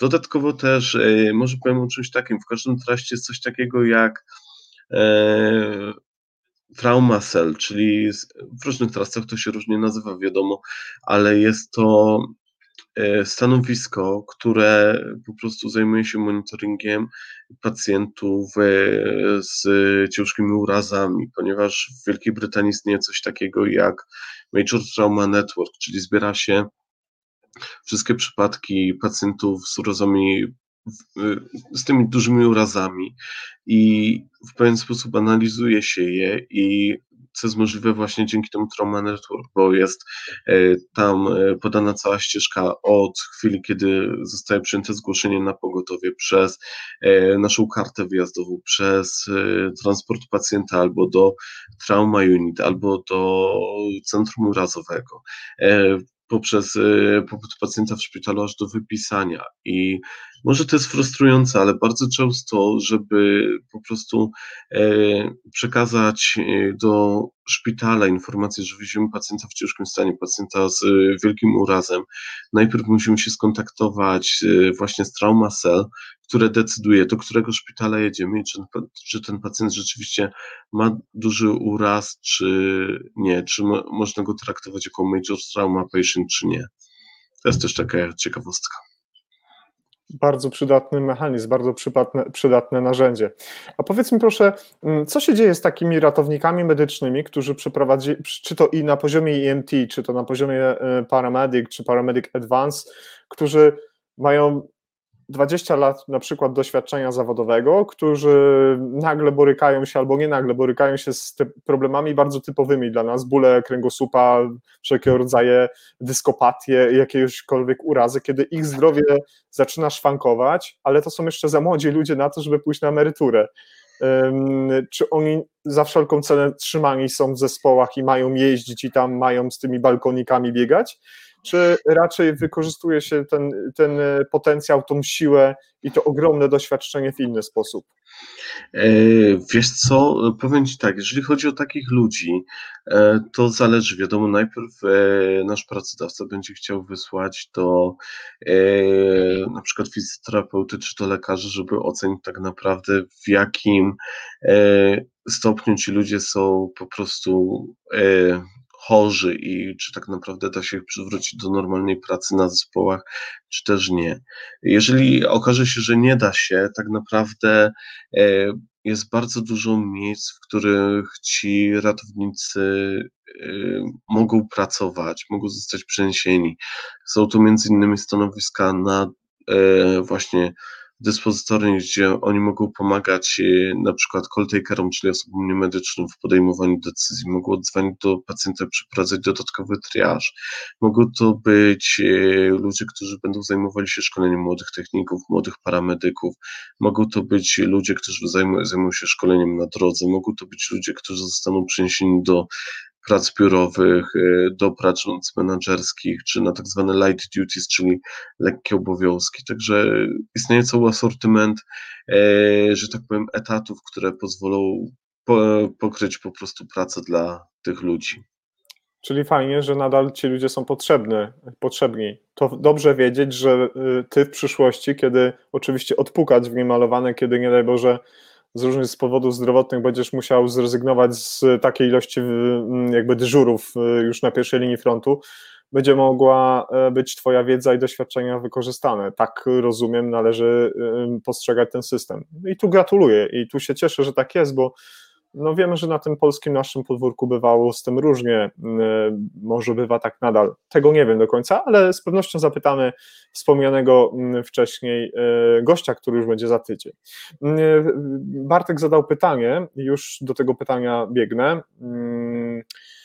E, rozumiem, że postępowanie obwarowane procedurami jest bezpieczne i, i, tak, e, a jak wygląda status prawny takich teleporad, e, takich telekonsultacji, bo teleporady w ostatnim czasie to się trochę źle kojarzą, ale konsultacji bym powiedział, może Bartku, wybacz mi proszę, ale użyję chyba innego słowa. Wie, wiecie co, tutaj trzeba powiedzieć o tym, że tak naprawdę e, te porady telefoniczne, czy też e, w jakiś sposób konsultacje telefoniczne w Wielkiej Brytanii istnieją już od e, bardzo wielu lat. E, I tutaj wygląda to tak, że jeżeli po prostu ja kontaktuję się na przykład z jakimś paramedykiem czy jakąś inną osobą odnośnie porady, wszystko to jest rejestrowane, nagrywane oraz y, ta osoba sporządza notatkę na swoim komputerze, która jest tak naprawdę dołączona do całości informacji o obsługiwanym zdarzeniu. Ja również muszę wpisać na moją e, kartę zgłoszenia, kim jest ta osoba, jej numer PIN, czyli numer identyfikacji i tak, tak, tak, tak naprawdę tutaj nigdy się nie spotkałem z e, żadnym problemem, ponieważ jest to ustalone po prostu w polityce e, pogotowia ratunkowego. No jest to powszechnie akceptowane zgodnie z brytyjskimi wymogami prawa. Co, co też ciekawe, bardzo często yy, spotykam się z tym, że lekarze brytyjscy, jedną z form udzielania po prostu porad pacjentom to są porady telefoniczne. No i tutaj na podstawie tego, co lekarz usłyszy od pacjenta albo decyduje o e, wdrożeniu jakiegoś leczenia, chyba że ma jakieś wątpliwości, wtedy zaprasza pacjenta do wizyty w swojej przychodni. Hmm. No i właśnie doszliśmy do tego etapu, który nas chyba wszystkich bardzo interesuje. Mm, jak wygląda w tym momencie Twoja praca jako ratownik? Jako EMT, innych kolegów, jako paramedyk w różnych miejscach, jeśli chodzi o, o pandemię. Y, jak mocno to mm, zróżnicowało Waszą pracę, jeszcze bardziej niż jest, było wcześniej? Jak mocno ją skomplikowało?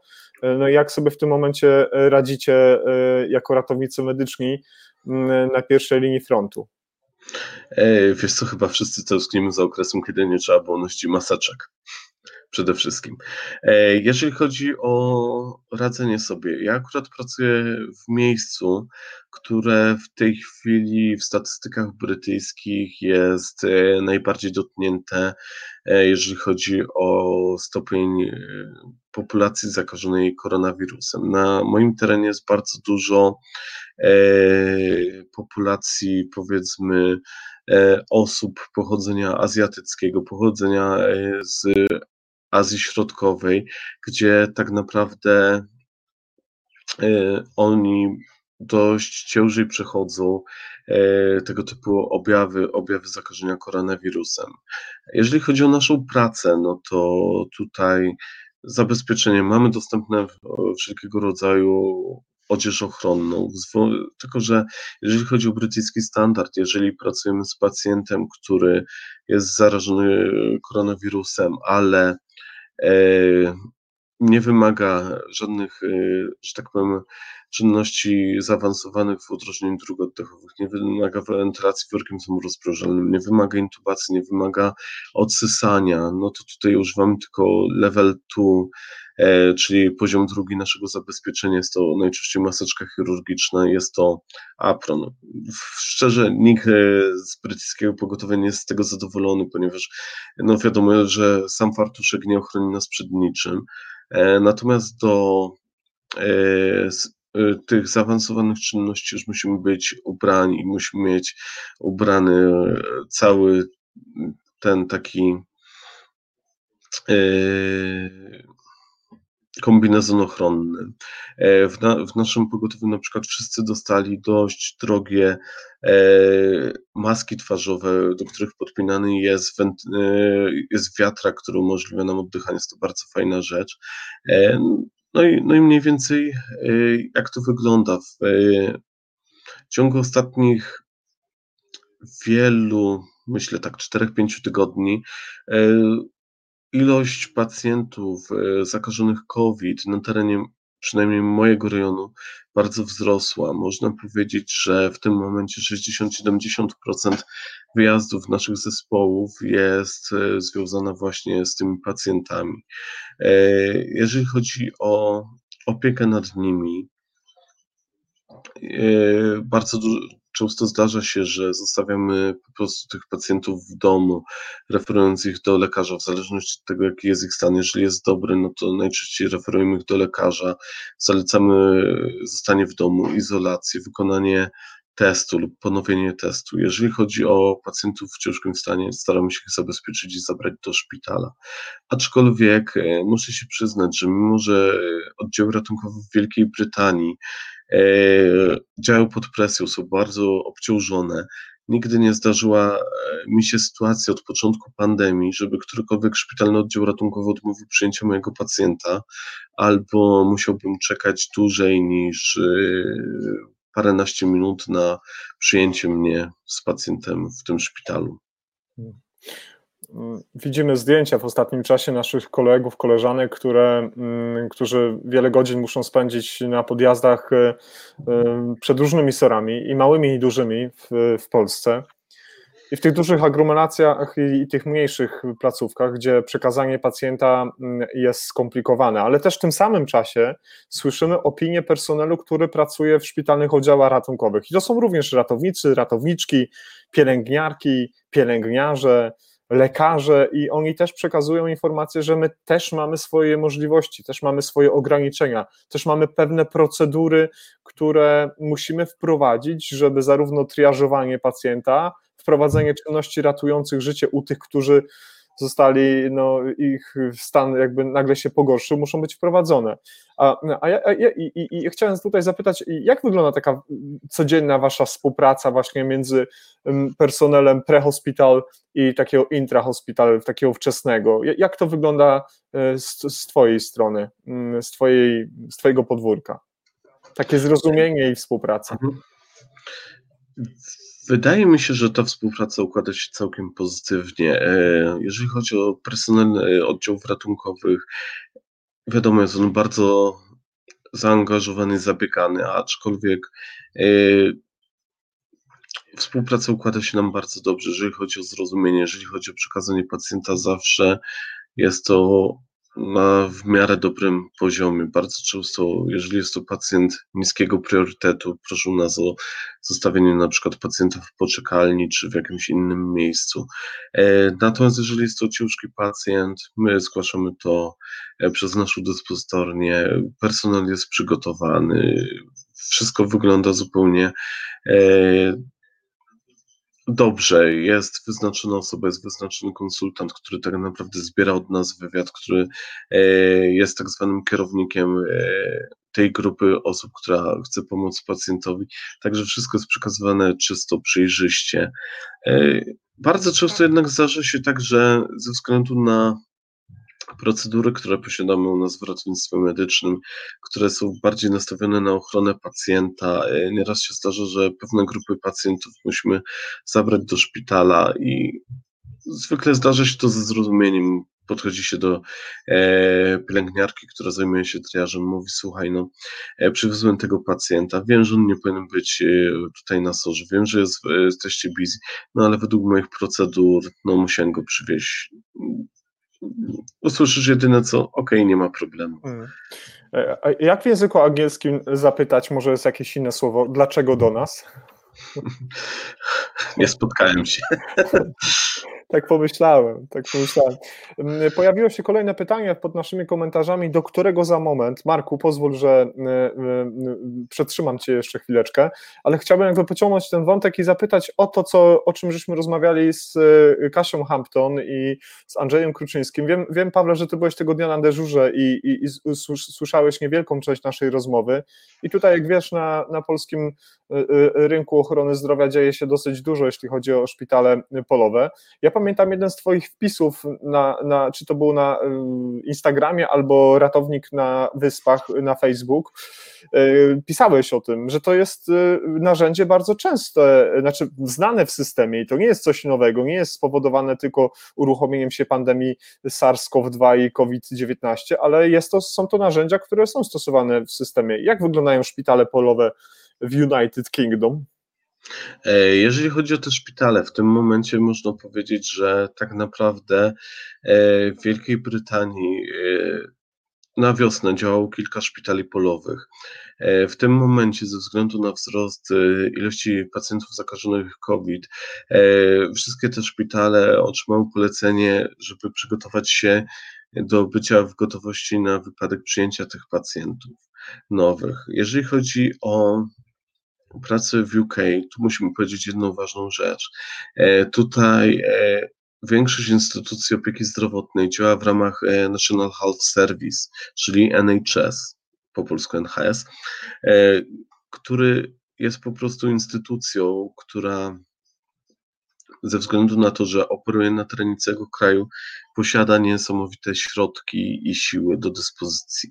I tutaj te szpitale polowe zostały wybudowane tak naprawdę w e, bardzo krótkim czasie. Zostały one doskonale zaopatrzone, ponieważ zaopatrzono je łóżka, we wszystko bardzo dobrej jakości. Należy tutaj powiedzieć o tym, że NHS posiada tak samo całą flotą mobilnych tomografów komputerowych, rezonansów, posiada bardzo dużo właśnie przyczep, w których znajduje się sprzęt laboratoryjny, sprzęt do różnego rodzaju diagnostyki i tego typu flota została wysłana do każdego z tych szpitali polowych, dzięki czemu on miał e, pełne zaplecze laboratoryjne, diagnostyczne, co jest niezwykle potrzebne przy leczeniu tego typu pacjentów.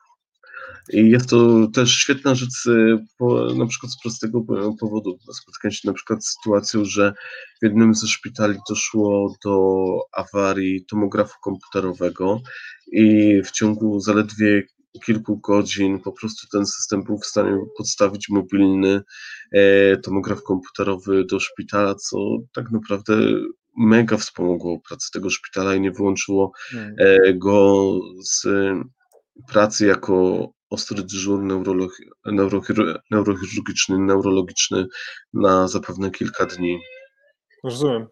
Pozazdrościć takich y, możliwości NHS-u. To, y, to, to są, tak jak powiedziałeś, ogromne środki, fundusze, ale też przede wszystkim wieloletnia praca logistyczna i planowanie tego, co się może złego wydarzyć. Nie tylko z punktu widzenia pandemii, ale przecież pamiętamy wybuch w metrze e, londyńskim, co się wtedy działo, jakie siły i środki zostały wysłane, a potem ile procesów dopracowywania tego, tego systemu było wprowadzonych. Bardzo się cieszę, że jesteś w takim miejscu, gdzie, gdzie możesz e, podglądać i uczyć się tych rozwiązań. Mam prośbę, gdyby pojawiły się jakieś pytania w najbliższych dniach, jak działają szpitale polowe, mogę przekazać namiar do ciebie, żebyś ewentualnie udzielił dodatkowych informacji? Nie ma problemu. Super, świetnie, bo wiem, że Kasia Hampton i Andrzej Kruczyński, który, który się tym tematem w tym momencie bardzo mocno zajmują, z pewnością będą e, e, zainteresowani. E, I ba, bardzo już od razu za to dziękuję. Dobrze, to ja znowu teraz usunę teraz szpitale polowe z, z naszego pytania i teraz szybciutko biegniemy do komentarzy. Komentarz jest duży, może obszerny, ja go wkleję, troszeczkę znikniemy na moment. Dobra, jest, jesteśmy ponownie. Teleporady, mhm. konsultacje, y, szkolenia. Mm, jak na wyspach wyglądają szkolenia dla cywili, dla osób, które nie są związane z systemem ochrony zdrowia? Czasem jesteśmy świadkami wypadków i musimy pomóc przed y, waszym przyjazdem. Marek jest mistrzem świata, on przyciąga takich rzeczy. On jak gdzieś jedzie i, i, i wybiera się to na bank, najedzie na jakąś sztuczkę czy kolizję. Znam tego człowieka dobrze kursy pierwszej pomocy, czy są dostępne, jakie są, e, e, jakie są wachlarzu dostępności? Czy ludzie w Wielkiej Brytanii są chętni, by szkolić się, by móc działać, zanim dojedziecie z odsieczą? To pytanie od Marka. E, wiesz co, musimy zwrócić uwagę tutaj na to, że brytyjska kultura jest troszkę inną kulturą niż polską. Tak naprawdę, jeżeli nie spotkałem się z sytuacją, że jedziemy do zgłoszenia, gdzie po prostu na przykład ktoś upadł na ulicy, nawet jeżeli jest pod wpływem alkoholu i nie ma przy nim ludzi. Zwykle ludzie, którzy dzwonią po pogotowie, nawet jeżeli mają zaniedbać swoje własne obowiązki, bardzo często zostają z tym pacjentem. E, niejednokrotnie zdarza się sytuacja, kiedy przyjeżdżamy i ten człowiek jest przykryty kilkoma kocami. Jeżeli chodzi o pierwszą pomoc, e, tutaj należy przytoczyć jeden bardzo ważny fakt. E, zajęcia z pierwszej pomocy w Wielkiej Brytanii w szkole są, e, podstawowej są obowiązkowe. E, od najmłodszych klas uczy się dzieci najpierw od tego, jak wzywać pomoc, po to jaki numer dzwonić, co trzeba powiedzieć, na jakie pytania odpowiadać. W starszych klasach uczy się już prowadzenia uciśnięć klatki piersiowej, zapoznaje się ich z AED, także ta świadomość ratownicza e, w Wielkiej Brytanii jest dość duża. Dość dużo ludzi właśnie e, e, ma za sobą ukończone kursy pierwszej pomocy, bo wymaga tego od nich ich praca, czy są tym zainteresowani. Do tego można powiedzieć tak, że e, bardzo dużo z tych ludzi działa w pogotowiu w ramach tak zwanych community first responder, czyli ochotników, którzy chcą udzielać pierwszej pomocy. To jest genialna rzecz. I wielu z nich jest tak, samo wolontariuszami w różnego rodzaju aplikacjach, które są połączone z systemami ratowniczymi. I w momencie, kiedy otrzymują zgłoszenie o prawdopodobnym zatrzymaniu krążenia, są w stanie uruchomić te osoby do podania nam pomocnej ręki, czyli prowadzenia uciśnięć klatki piersiowej przed przyjazdem naszego zespołu, także to jest mega dobry, mega plus w brytyjskim systemie nic jak tylko znowu mm, zabierać te dobre postawy, kopiować je na zasadzie kopnij i wypastuj do naszej, naszego systemu rodzimego. Jest to możliwe, u nas jest Dora. Trzeba to gdzieś zapisać. Mm, pojawił się kolejny komentarz, kolejne pytanie, za które dziękuję panu Łukaszowi Sokołowskiemu. Panie Łukaszu, fajnie, że pan znalazł dzisiaj dla nas czas. E, czy orientujesz się, na jakim poziomie pomoc e, medyczną mogą nieść strażacy na wyspach? Czy są to uprawnienia e, zbliżone do kwalifikowanej pierwszej pomocy? Zdecydowanie są zbliżone. Jeżeli chodzi o dyspozycję, to czym dysponują strażacy, no to mają e, torby swoje medyczne, w których mają tlen, mają AED. E, wiem, że w niektórych e, stacjach straży są strażacy z dodatkowym przeszkoleniem, tak jak policjanci, którzy mogą na przykład użyć iGela i po prostu wentylować pacjenta. E, ogólnie tutaj znowu chodzi o to, że w Wielkiej Brytanii ten system nie jest spójny. Każda e, tak naprawdę regionalna straż pożarna czy regionalna policja działa według własnych wytycznych na podstawie narodowych wytycznych, czyli są to albo wytyczne zbliżone, albo wytyczne rozszerzone, także tutaj jednakowej odpowiedzi nie ma, ale myślę, że działają na podobnych uprawnieniach do KPP, przy czym e, trzeba przyznać, że ostatnio w wielu miejscach w Anglii policjanci na przykład testują nowe leki, takie jak podawanie narkanu donosowo, co jest bardzo fajną opcją. E, taką ciekawostką jest to, że ratownicy górscy w Wielkiej Brytanii mogą podawać pacjentowi lizak z fentanylem. Mhm. Kapitalna rzecz. E, niestety, według procedury naszego pogotowia, zaraz po przyjęciu pacjenta, który sobie grzecznie ssa ten lizak, musimy pacjentowi, jak temu dziecku, odebrać ten lizak i zostać na naszych środkach przeciwbólowych, czyli pewnie na morfinie dożylnie. No, no niestety, ból.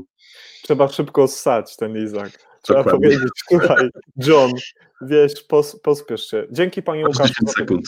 Tak, tak. A, a, swoją drogą nie mam doświadczeń z lizakiem. Jak długo się wchłania taki lizak?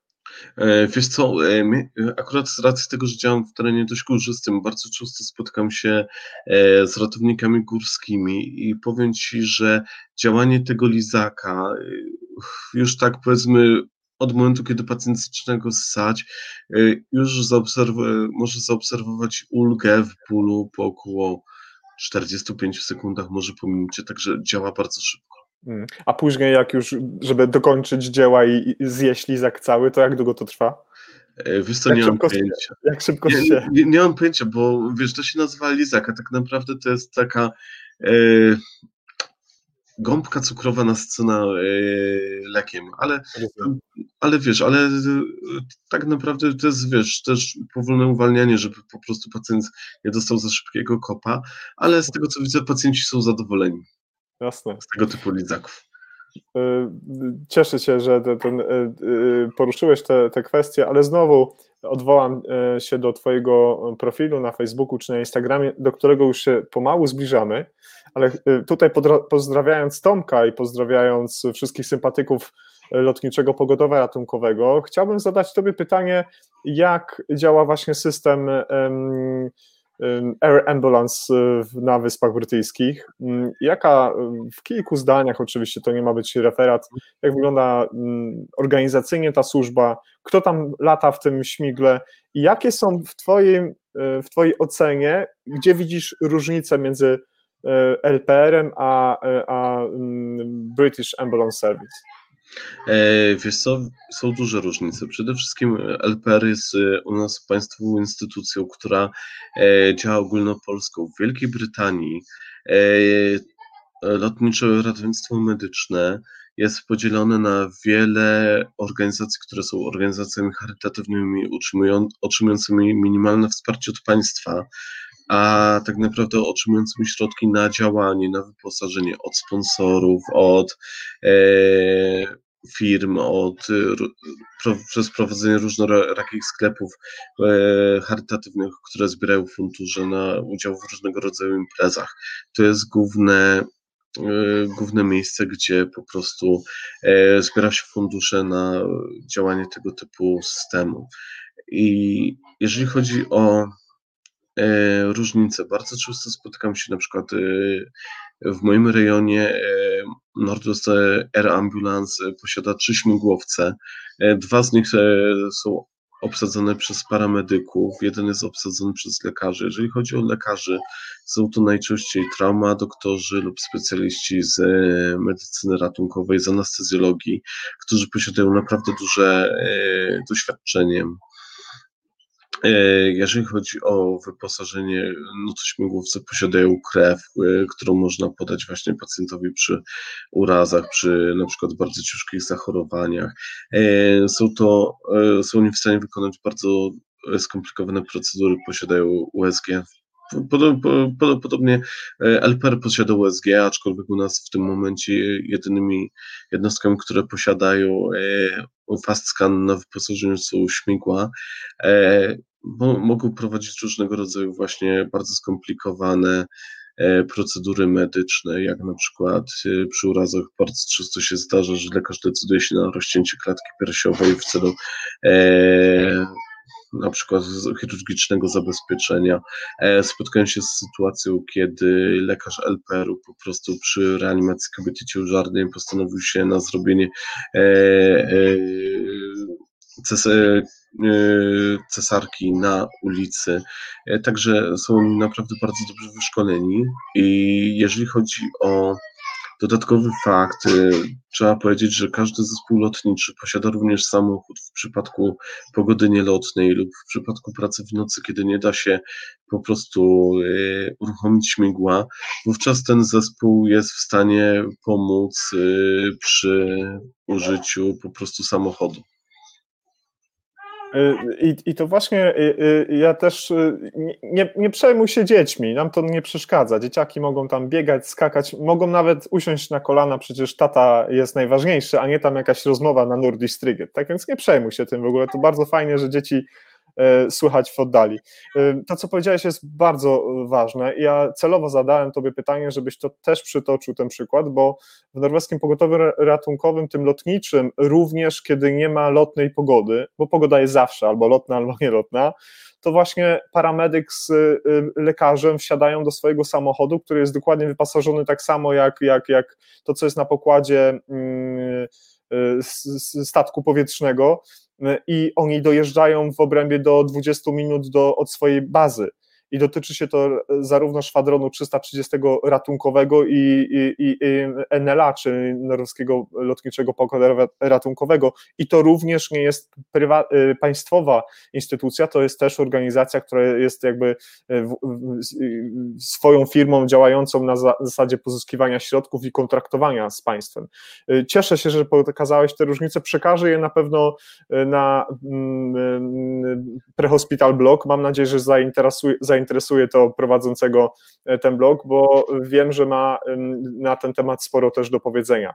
I znowu mm, serdecznie pozdrawiam wszystkich tych, którzy dzisiaj udostępnili informacje na naszym, e, e, o naszym wydarzeniu. Mm, Paweł, wróć. Bartek Zimok zadał pytanie. Troszkę przeprasza za to pytanie, ale myślę, że nie trzeba przepraszać, Pawle, Bartku. Co było przyczyną takiego dużego deficytu w kadrze medycznej na Wyspach mm, y, jeszcze tak niedawno, kiedy między innymi duża fala ratowników medycznych z Polski no, była wchłaniana przez NHS. Y, jakie były takie naprawdę powody tego, że nagle y, brytyjski system obudził się pewnego dnia i stwierdził, mamy naprawdę ogromne braki, potrzebujemy ludzi z zagranicy? E, wiesz co, przyczyn było wiele. E, przyczyną było e, właśnie bardzo mały wzrost finansowania dla wynagrodzenia ratowników medycznych, e, które miał miejsce właśnie na, od 2010 roku. Skłaniało ludzi do przechodzenia do prywatnych sektorów. Tutaj należy podkreślić, że ratownik medyczny w Wielkiej Brytanii może po prostu ukończyć pewnego rodzaju kursy i studia magisterskie, które E, dodają mu dodatkowe uprawnienia. Są to studia z tak zwanego advanced practice i potem może rozpocząć pracę na przykład w przychodni, czy może rozpocząć pracę e, w różnego rodzaju instytucjach ochrony zdrowia jako tak zwany brytyjski felczer.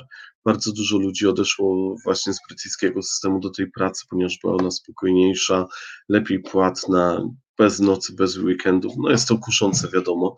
E, kolejną, kolejnym powodem był fakt, że bardzo duża część brytyjskich ratowników zdecydowała się do pracy właśnie w sektorze prywatnym i również za granicą. W tamtych czasach właśnie bardzo duże zapotrzebowanie na ratowników miała e, między innymi miał między innymi Dubaj, i to spowodowało właśnie bardzo szybkie, bardzo nagłe e, po prostu zmniejszenie kadry medycznej, jeżeli chodzi o paramedyków w Wielkiej Brytanii. Aczkolwiek brytyjski system potrafi sobie bardzo szybko e, te braki wyrównać. Wiadomo, parę e, rekrutacji międzynarodowych to była pierwsza kwestia i na pewno kilkuset paramedyków, ratowników medycznych z Polski znalazło zatrudnienie w Wielkiej Brytanii. Kolejną kwestią było to, że w Wielkiej Brytanii coraz bardziej zaczęto wprowadzać program awansu e, techników EMT e czy HCA na paramedyków. Po prostu trust e, płacił im za studia, które były przyspieszone, były to roczne studia i po tych studiach ci ludzie mogli zostać już ratownikami medycznymi, paramedykami, co na pewno zwiększyło kadrę paramedyków w ciągu tych paru lat i doprowadziło do tego, że w tej chwili te nadwyżki, y, te braki tak naprawdę są już minimalne. Y, to odpowiedź dla, dla, dla Bartka, mm, którego pozdrawiamy. A powiedz mi, a no, takie przyspieszone mm, kursy, szkolenia, y, przesunięta bardzo mocno granica uzyskania odpowiednich uprawnień nie wpływała jakoś na bardzo e, jakość takiego personelu? Nie czułeś się jakiśkolwiek niekomfortowy sposób pracując, będąc na dyżurze z kimś takim, że no widziałeś tam dosyć duże braki, czy raczej byli to, były to osoby na przykład EMT z wieloletnim doświadczeniem jako, jako e, ratownik na poziomie technicznym i tylko uzupełnił swoje uprawnienia, więc nie trzeba było mhm. się bać o jego umiejętności? E, to, dokładnie tak było. Wszyscy e, technicy, którzy chcieli przejść po prostu na e, studia na paramedyka, są to ludzie, którzy musieli ukończyć swój okres do bycia niezależnym EMT, czyli to jest 12 miesięcy z chwili podjęcia pracy i w przypadku naszego trustu było to kolejne 24 miesiące dyżurowania, czyli tak naprawdę e, na te studia zostali, byli wysłani ludzie, którzy mieli minimum 3 lata przepracowane w systemie ratownictwa medycznego. Jeżeli chodzi o ich wiedzę, na, na pewno ze względu na to, że w tamtym czasie szkolenie e, paramedyków było w systemie dwuletnim, e, mieli oni troszkę, że tak powiem, skrócone zajęcia ze studiów, aczkolwiek po prostu w tym systemie myślę, że ze względu na doświadczenie, które mieli, odnaleźli się bez trudu. Dodatkowo należy wspomnieć e, na fakt, że w tym momencie w Wielkiej Brytanii, jeżeli jesteś po rejestracji w HCPC, przez okres e, następnych dwóch lat działasz jako tak zwany New Qualificated Paramedic, czyli w tym momencie otrzymujesz bardzo duży E, duże wsparcie od Twojego trustu w postaci dodatkowych szkoleń, w postaci pracy z bardziej doświadczonymi paramedykami, żeby po prostu jak najlepiej oswoić się z tą pracą, jak najlepiej Tobie pomóc. Hmm. To, to mnie bardzo uspokoiłeś, bo mm, ja posiadam e, różne doświadczenia z osobami, które hmm, trafiają jakby do systemu, e, które, których jakby przeszłość zawodowa jest powiedzmy skromniejsza.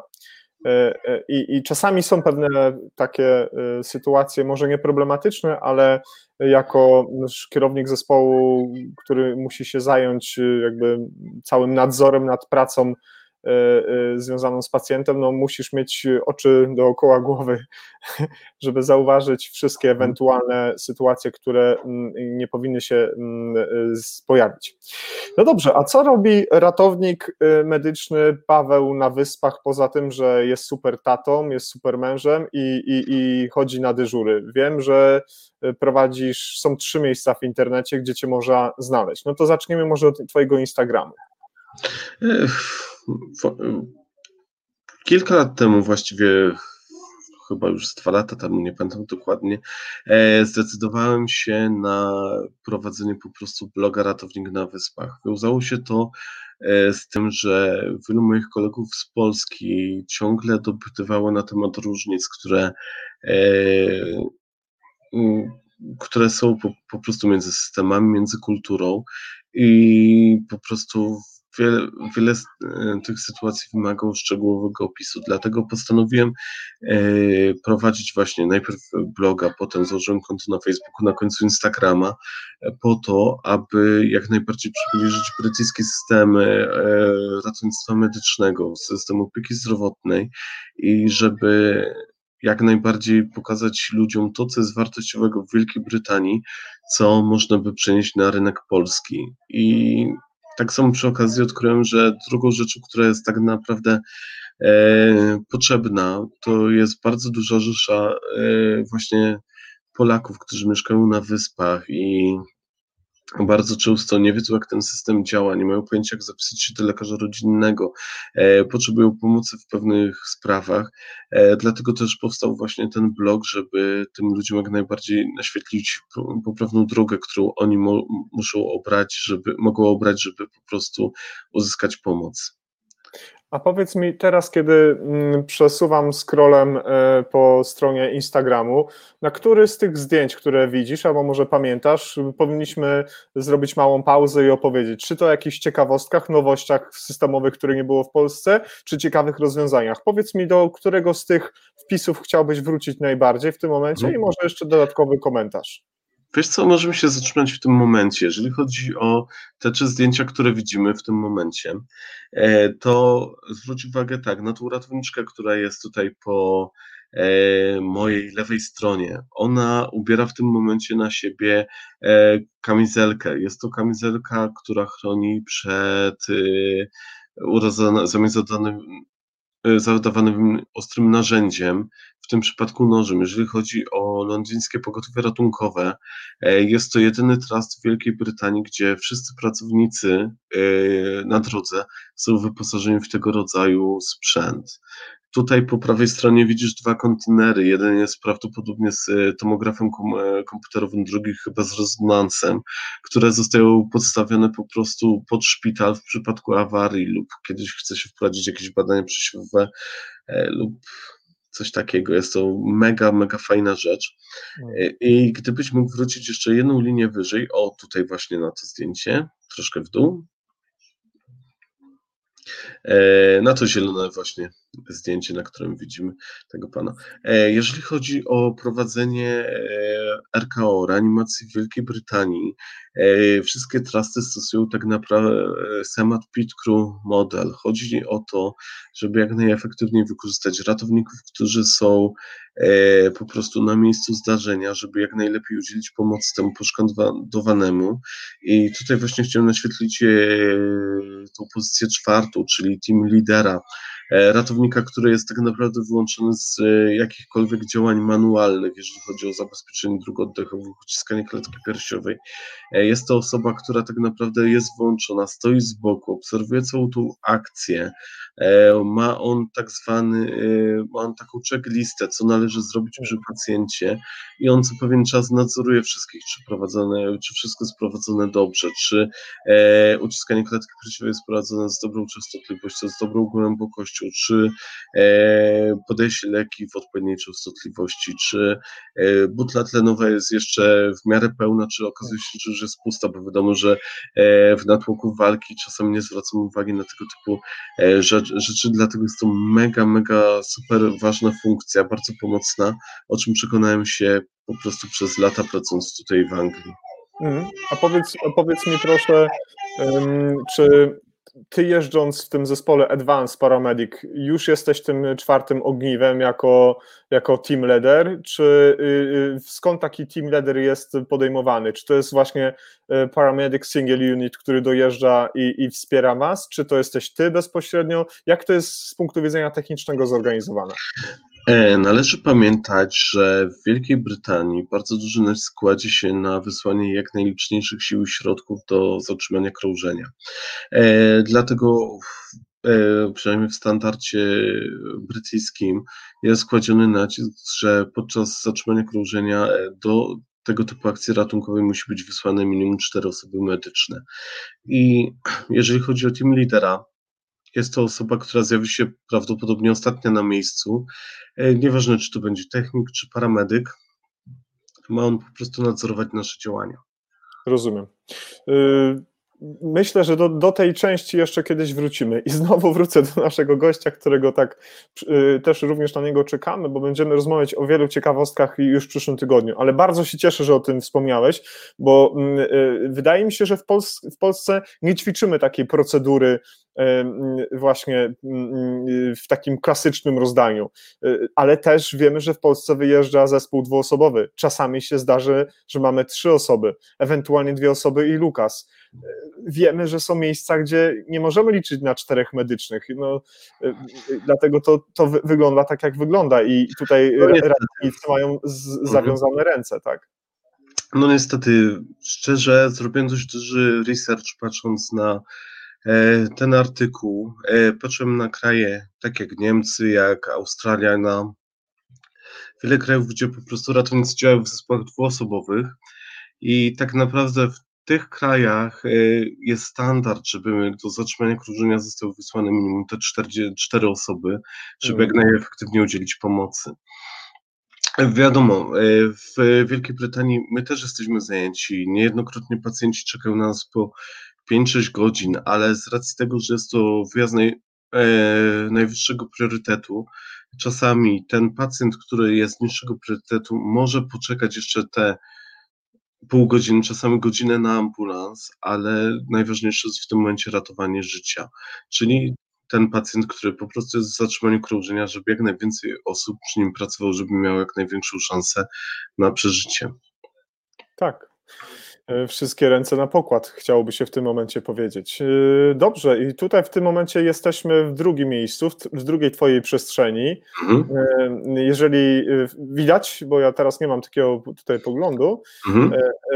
ratownik na wyspach o codziennym życiu i o brytyjskim systemie ratownictwa medycznego, o funkcjonowaniu ja użyję innego słowa systemu ochrony zdrowia NHS w Anglii. Opowiedz troszeczkę o tym blogu. On pojawił się jako pierwszy. Ja zacząłem od Instagramu jako ostatni. Mhm.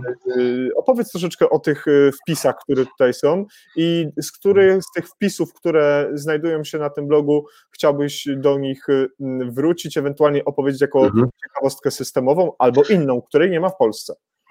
Właśnie ten blog założyłem tak, żeby troszkę ludzi zaznajomić z pracą e, ratownika medycznego i systemu ratownictwa medycznego w Wielkiej Brytanii. Jeżeli chodzi o wpisy, są one przeróżne, są one na temat moich wyjazdów, są one na temat po prostu standardów, które tutaj są oraz y, wydarzeń, które tak naprawdę się wydarzyły. Jeżeli chodzi o e, coś, o czym możemy opowiedzieć, możemy opowiedzieć właśnie o tutaj przy o Community First Responderach. E, to jest coś, czego tak naprawdę mega, mega brakuje w Polsce. E, są to ludzie, którzy najczęściej nigdy w życiu nie mieli do czynienia z żadną e, praktyką medyczną. Są to ludzie, którzy chcą swój własny, prywatny czas poświęcić na pomoc innym ludziom. I tak naprawdę bardzo często w pogotowiu zdarzają się co chwilę nabory na właśnie tych e, responderów. I ci ludzie są sukcesywnie szkoleni, są wolontariuszami, wykonują e, tak naprawdę swoje działanie za e, darmo. Otrzymują oni od pogotowia ratunkowego sprzęt, e, w zależności od szkolenia mogą oni podawać tlen, mogą oni podawać entonox, czyli wziewny e, środek e, przeciwbólowy, mogą oni podać na przykład aspirynę czy paracetamol lub ibuprofen w tabletkach w zależności od wyszkolenia. I w momencie, kiedy jest jakieś zgłoszenie tak zwane oceniane jako krytyczne w okolicy tej osoby, czy to jest silna duszność, czy to jest zatrzymanie krążenia, czy to jest ból w klatce piersiowej, ci ludzie są po prostu aktywowani, żeby przyjechali na miejsce i żeby zabezpieczyli tego pacjenta do czasu naszego przyjazdu. Mega fajna sprawa. E, spotkałem się przynajmniej kilkadziesiąt razy e, z sytuacją, kiedy e, first responder był pierwszy na miejscu i powiem tak, to jest definitywnie rola, E, której brakuje w Polsce, a która może pomóc uratować wiele istnień ludzkich. I chciałbym, żeby w Polsce kiedyś po prostu został wprowadzony tego typu system. Szczególnie, że mamy wiele osób, które chciałyby udzielać pierwszej pomocy, chciałyby udzielać tej pomocy w ramach e, ratownictwa medycznego, odpowiadać na zgłoszenia, ale póki co nie ma takiej możliwości prawnej. A, a, powiedz mi, jak uważasz, dlaczego w Polsce jest taki opór? No, rozwiązania prawne, no to zawsze można wprowadzić, bo jak wiemy w ostatnich dniach, jak się chce, to można wszystko przepchnąć, e, prawda? E, I tutaj pozdrawiamy wszystkich tych, którzy dotykają te problemy, trzymamy za was kciuki i na pewno jeszcze będzie dobrze i normalnie. Mm, dlaczego tak się zdarza, że y, y, akurat my jesteśmy niechętni w stosunku do Czerwonego Krzyża, ratowników społecznościowej, sieci krajowej y, takiej, śmakiej, owakiej, do harcerzy, do harcerek? Gdzie tkwi problem nas w ratolach zawodowcach, którzy powinniśmy być takimi magnesami, którzy przeciągają takie osoby, a czasami jesteśmy wręcz odpychaczami czym jest kłopot? Czy my się boimy o swoje miejsca pracy, czy się boimy o, o coś innego? Dla, dla, gdzie jest powód, gdzie, że w takim dużym kraju, w takim dużym systemie jest wręcz otwieramy, tak jak sam powiedziałeś, przed chwilą y, magazyny ze sprzętem. Przed chwilą byliśmy na, y, byłem na zdjęciu, gdzie rurki, tlen, to wszystko przygotowane pięknie, a tutaj się mówi nie. No, jak uważasz, w czym jest kłopot? Yy, wiesz co, trudno mi stwierdzić, czym jest kłopot. Z jednej strony yy, musimy pamiętać o jednym, nasz system ratownictwa medycznego nie był reformowany od wielu, wielu lat. Druga sprawa to jest tak naprawdę, że ratownicy medyczni w Polsce są zmęczeni. Mało który ratownik medyczny pracuje tylko na etacie, wszyscy mają, wiadomo, drugi etat, przepracowały kilkadziesiąt, e, kilkaset godzin w pracy, to też powoduje olbrzymią frustrację, złość na innych, ale wiesz co, nie, nie wiem skąd się to bierze, ale e, no jest to ciężki temat, myślę.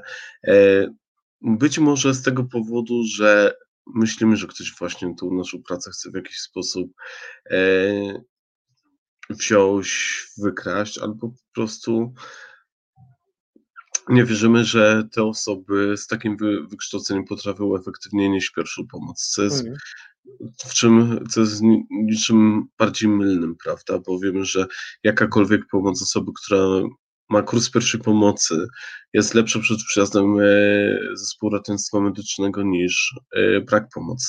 Tak zawsze zaczynamy przecież od BLS-u. Basic Life Support jest standardem, bez znaczenia ilu tych medyków przyjedzie, zawsze zaczynamy od podstaw. No nie można od razu wchodzić, jak to gromowcy czy tam inni z delty od razu przez okna, należy najpierw zobaczyć, czy są drzwi otwarte. Y, do, do, do, tego też myślę, że będziemy wracali. I tu Marek zadał pytanie. E, może do mnie, czy coś takiego jest dostępne w Norwegii. E, jest, Marku, i ma się bardzo dobrze. Między innymi Czerwony Krzyż y, takie zadania pełni. Help, czyli ta pomoc y, publiczna w wydaniu ludzi po prostu różnej maści.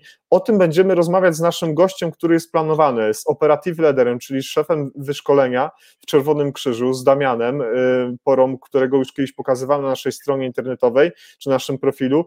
Planujemy rozmowę z Damianem i myślę, że ona się pojawi niebawem i Damian opowie o tych różnicach albo o tym, co jest y, w Norwegii, a co działa. Damian jest Polakiem, jest fantastycznym gościem, który zaszedł już bardzo wysoko, jeśli chodzi o struktury Czerwonego Krzyża, które w Norwegii mają bardzo wysokie, duże poważanie i mają ogromne znaczenie strategiczne, o których mówił przed chwilką y, y, Paweł. Tak więc, Marku, będziemy o tym rozmawiać.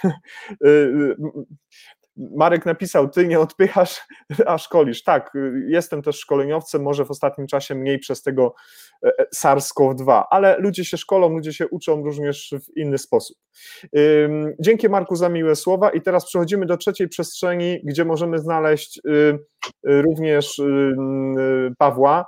Od razu wchodzimy tutaj na stop screen, podziel ekran E, tutaj to wszystko przychodzi tak trochę ślimaczym tempem, ale jesteśmy i od razu pojawia się zdjęcie, e, o którym będziemy mówić za sekundkę, o którym już wcześniej mhm. powiedziałeś.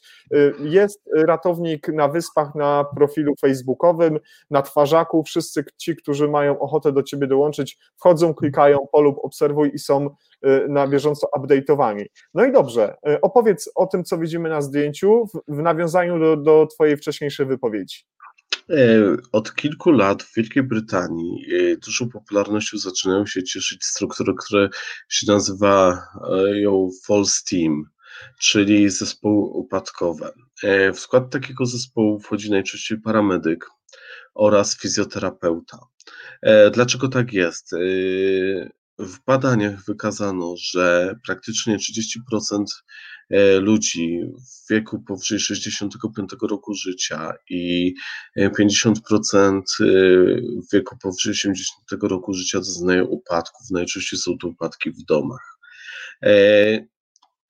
Dzieje się tak na sposób przyczyn takich jak potknięcia czy zaburzenia równowagi związane na przykład z chorobą kardiologiczną, postępującą infekcją, e, postępującym na przykład e, długotrwałym stanem zdrowia, takim jak demencja czy choroba Parkinsona.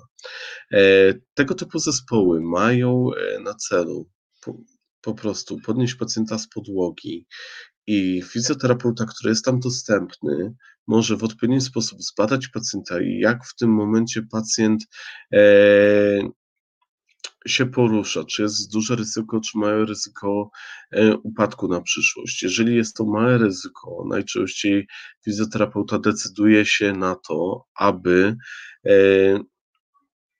e, aby po prostu temu, temu pacjentowi po prostu zaproponować jakieś alternatywne pomocy w poruszaniu się, na przykład laska czy chodzik, y, na zamontowaniu barier, dodatkowych barier, jak przy wannie, przy w sypialni i tak dalej. Jeżeli okazuje się, że pacjent jest na przykład y, pacjentem wysokiego ryzyka ponownego upadku, y, ponieważ na przykład jest to pacjent, który nie potrafi o siebie zadbać, jest osłabiony, bo nie je, wówczas fizjoterapeuta ma możliwość umieszczenia go w jednym z w jednej z instytucji, gdzie on będzie pod opieką i gdzie będzie po prostu e, podlegał fizjoterapii w celu wzmocnienia go i zostanie wypisany do domu e, już w takiej kondycji, że będzie on mógł bez obawy chodzić. E, bardzo często zdarza się, że my jako zespół ratownictwa medycznego jedziemy do E, osób, które upadły i ponosząc badaniu referujemy je właśnie do e, False Teamu, żeby ten team przyjechał i jednak fizjoterapeuta spojrzał na tego pacjenta, ponieważ on jest doświadczony w tym, on jest doświadczony e, w mechanizmie chodzenia pacjenta i żeby on jak najlepiej temu pacjentowi po prostu doradził i pomógł. Y, pojawiło się pytanie od razu, ja sobie ukradnę to pytanie, pod hmm. komentarz, w jaki sposób te zespoły minimalizują ryzyko upadku w przyszłości, ale już odpowiedziałeś, właśnie do niedawna hmm. pan starszy, pani nie nosi, nie mieli laski, nie mieli poręczy, nie mieli czegoś w domu, y, nie wiem, mieli grube dywany, od które się, po które się potykają, a nagle przyjeżdża team i sobie z tym radzi. Tak więc y, ja uprzejmie dziękuję panu panu, panu już powiem, który to pan zadał to pytanie i przepraszam, że tak sobie ukradłem, ale myślę, że pan Bartek Fligier o to za, za, za, zapytał. A ja, ja od razu mm, zadam Tobie jeszcze jedno pytanie, tak szybko, bo jesteśmy przy tej kwestii. Mm, pamiętam, jak żeśmy rozmawiali przez telefon i pytaliśmy o tych różnicach kompetencyjnych, czego mniej, czego więcej. Naturalnie jest, że MCR-y, wszystkie te klasyczne rzeczy, ratownik w Polsce i ratownik na Wyspach y, ma bardzo podobne zadania. To są ci sami pacjenci, ci, te same choroby, te same NZK i tak dalej, i tak dalej. Ale Ty powiedziałeś, że masz jeszcze na przykład jako para Advanced Paramedic, czy ten Paramedic Single Unit, dodatkowe zadania. wynikające z na przykład trudnej sytuacji socjalnej pacjenta. Opisz to trochę, bo to jest w ogóle nie, nie, nie, nie, nie nie, nie znamy takiego mechanizmu w polskim systemie.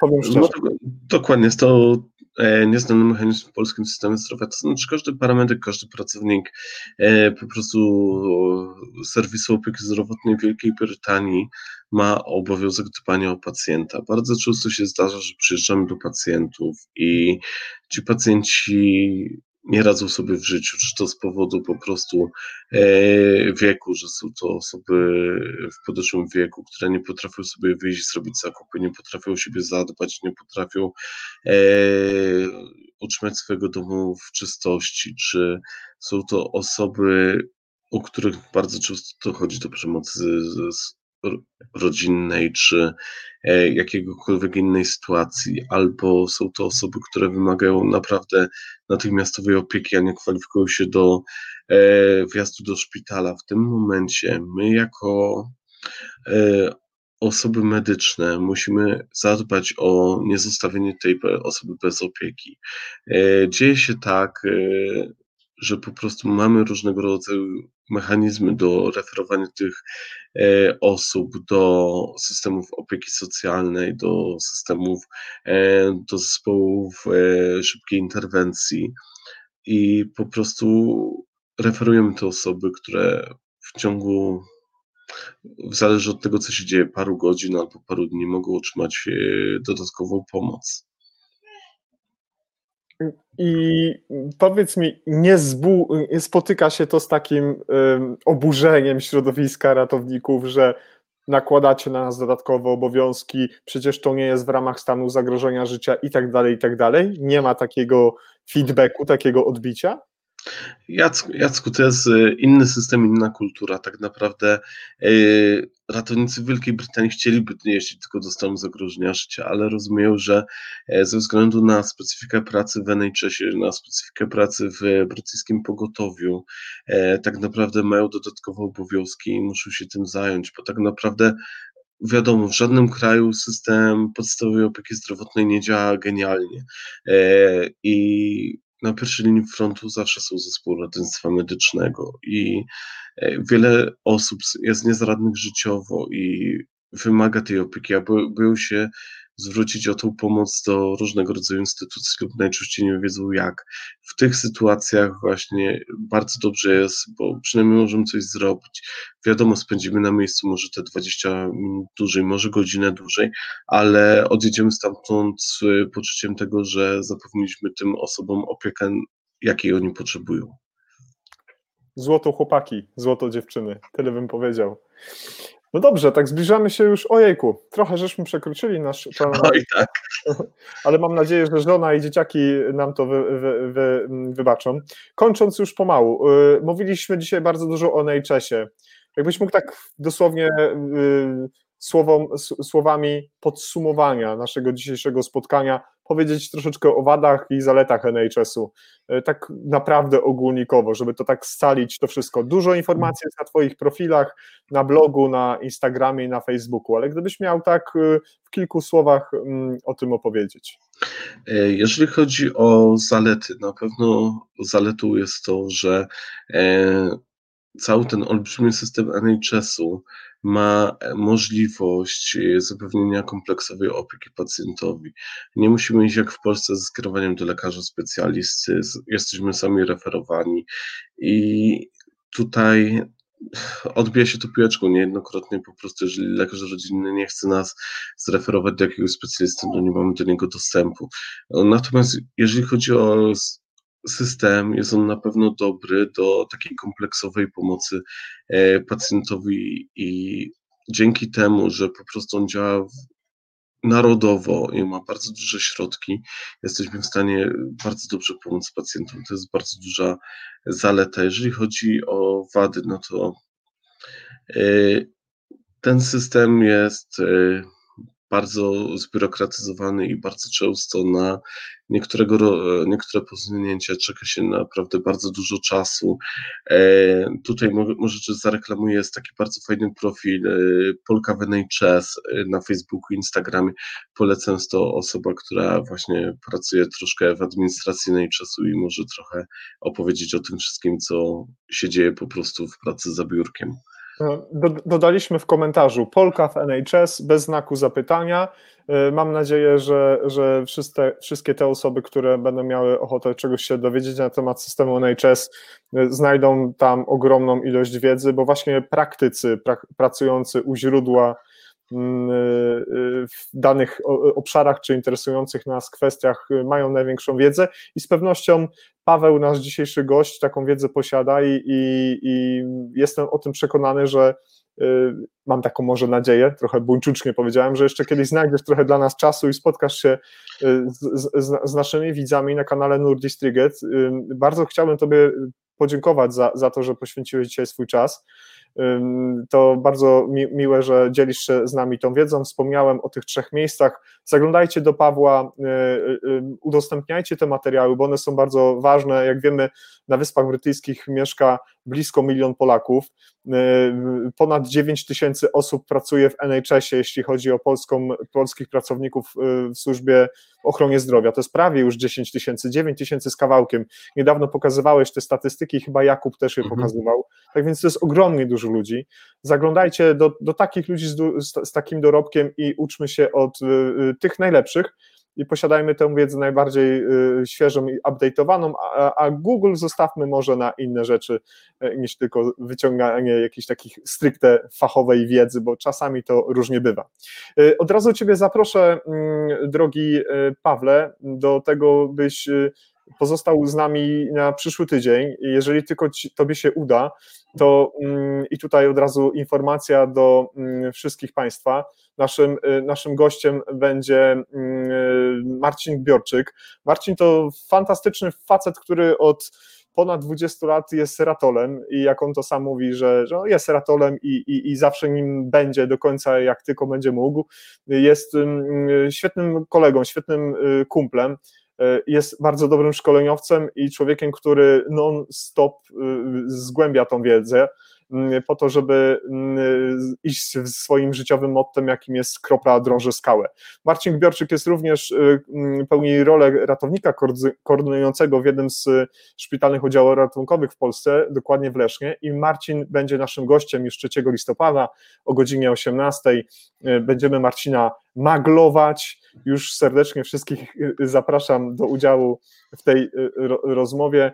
A mm, dzisiaj tylko przypomnę, naszym gościem był pan Paweł Bednarenko, któremu kłaniam się nisko w pas. Bądź tam zdrowy, chłopie, i nie dawaj się covidowi. Dobra, dziękuję Jacku, dziękuję wam wszystkim za oglądanie i pozdrawiam was serdecznie. Kłaniam się wszystkim mm, Państwu. Jeżeli uznaliście, że y, po dzisiejszym spotkaniu warto kliknąć, y, pomachać albo dodać do obserwowanych profil Nuristiget, to zapraszam, będzie mi ogromnie miło i czekamy na wszystkich y, już w przyszłym tygodniu. Kłaniam się nisko, pozdrawiam. Do usłyszenia, do zobaczenia.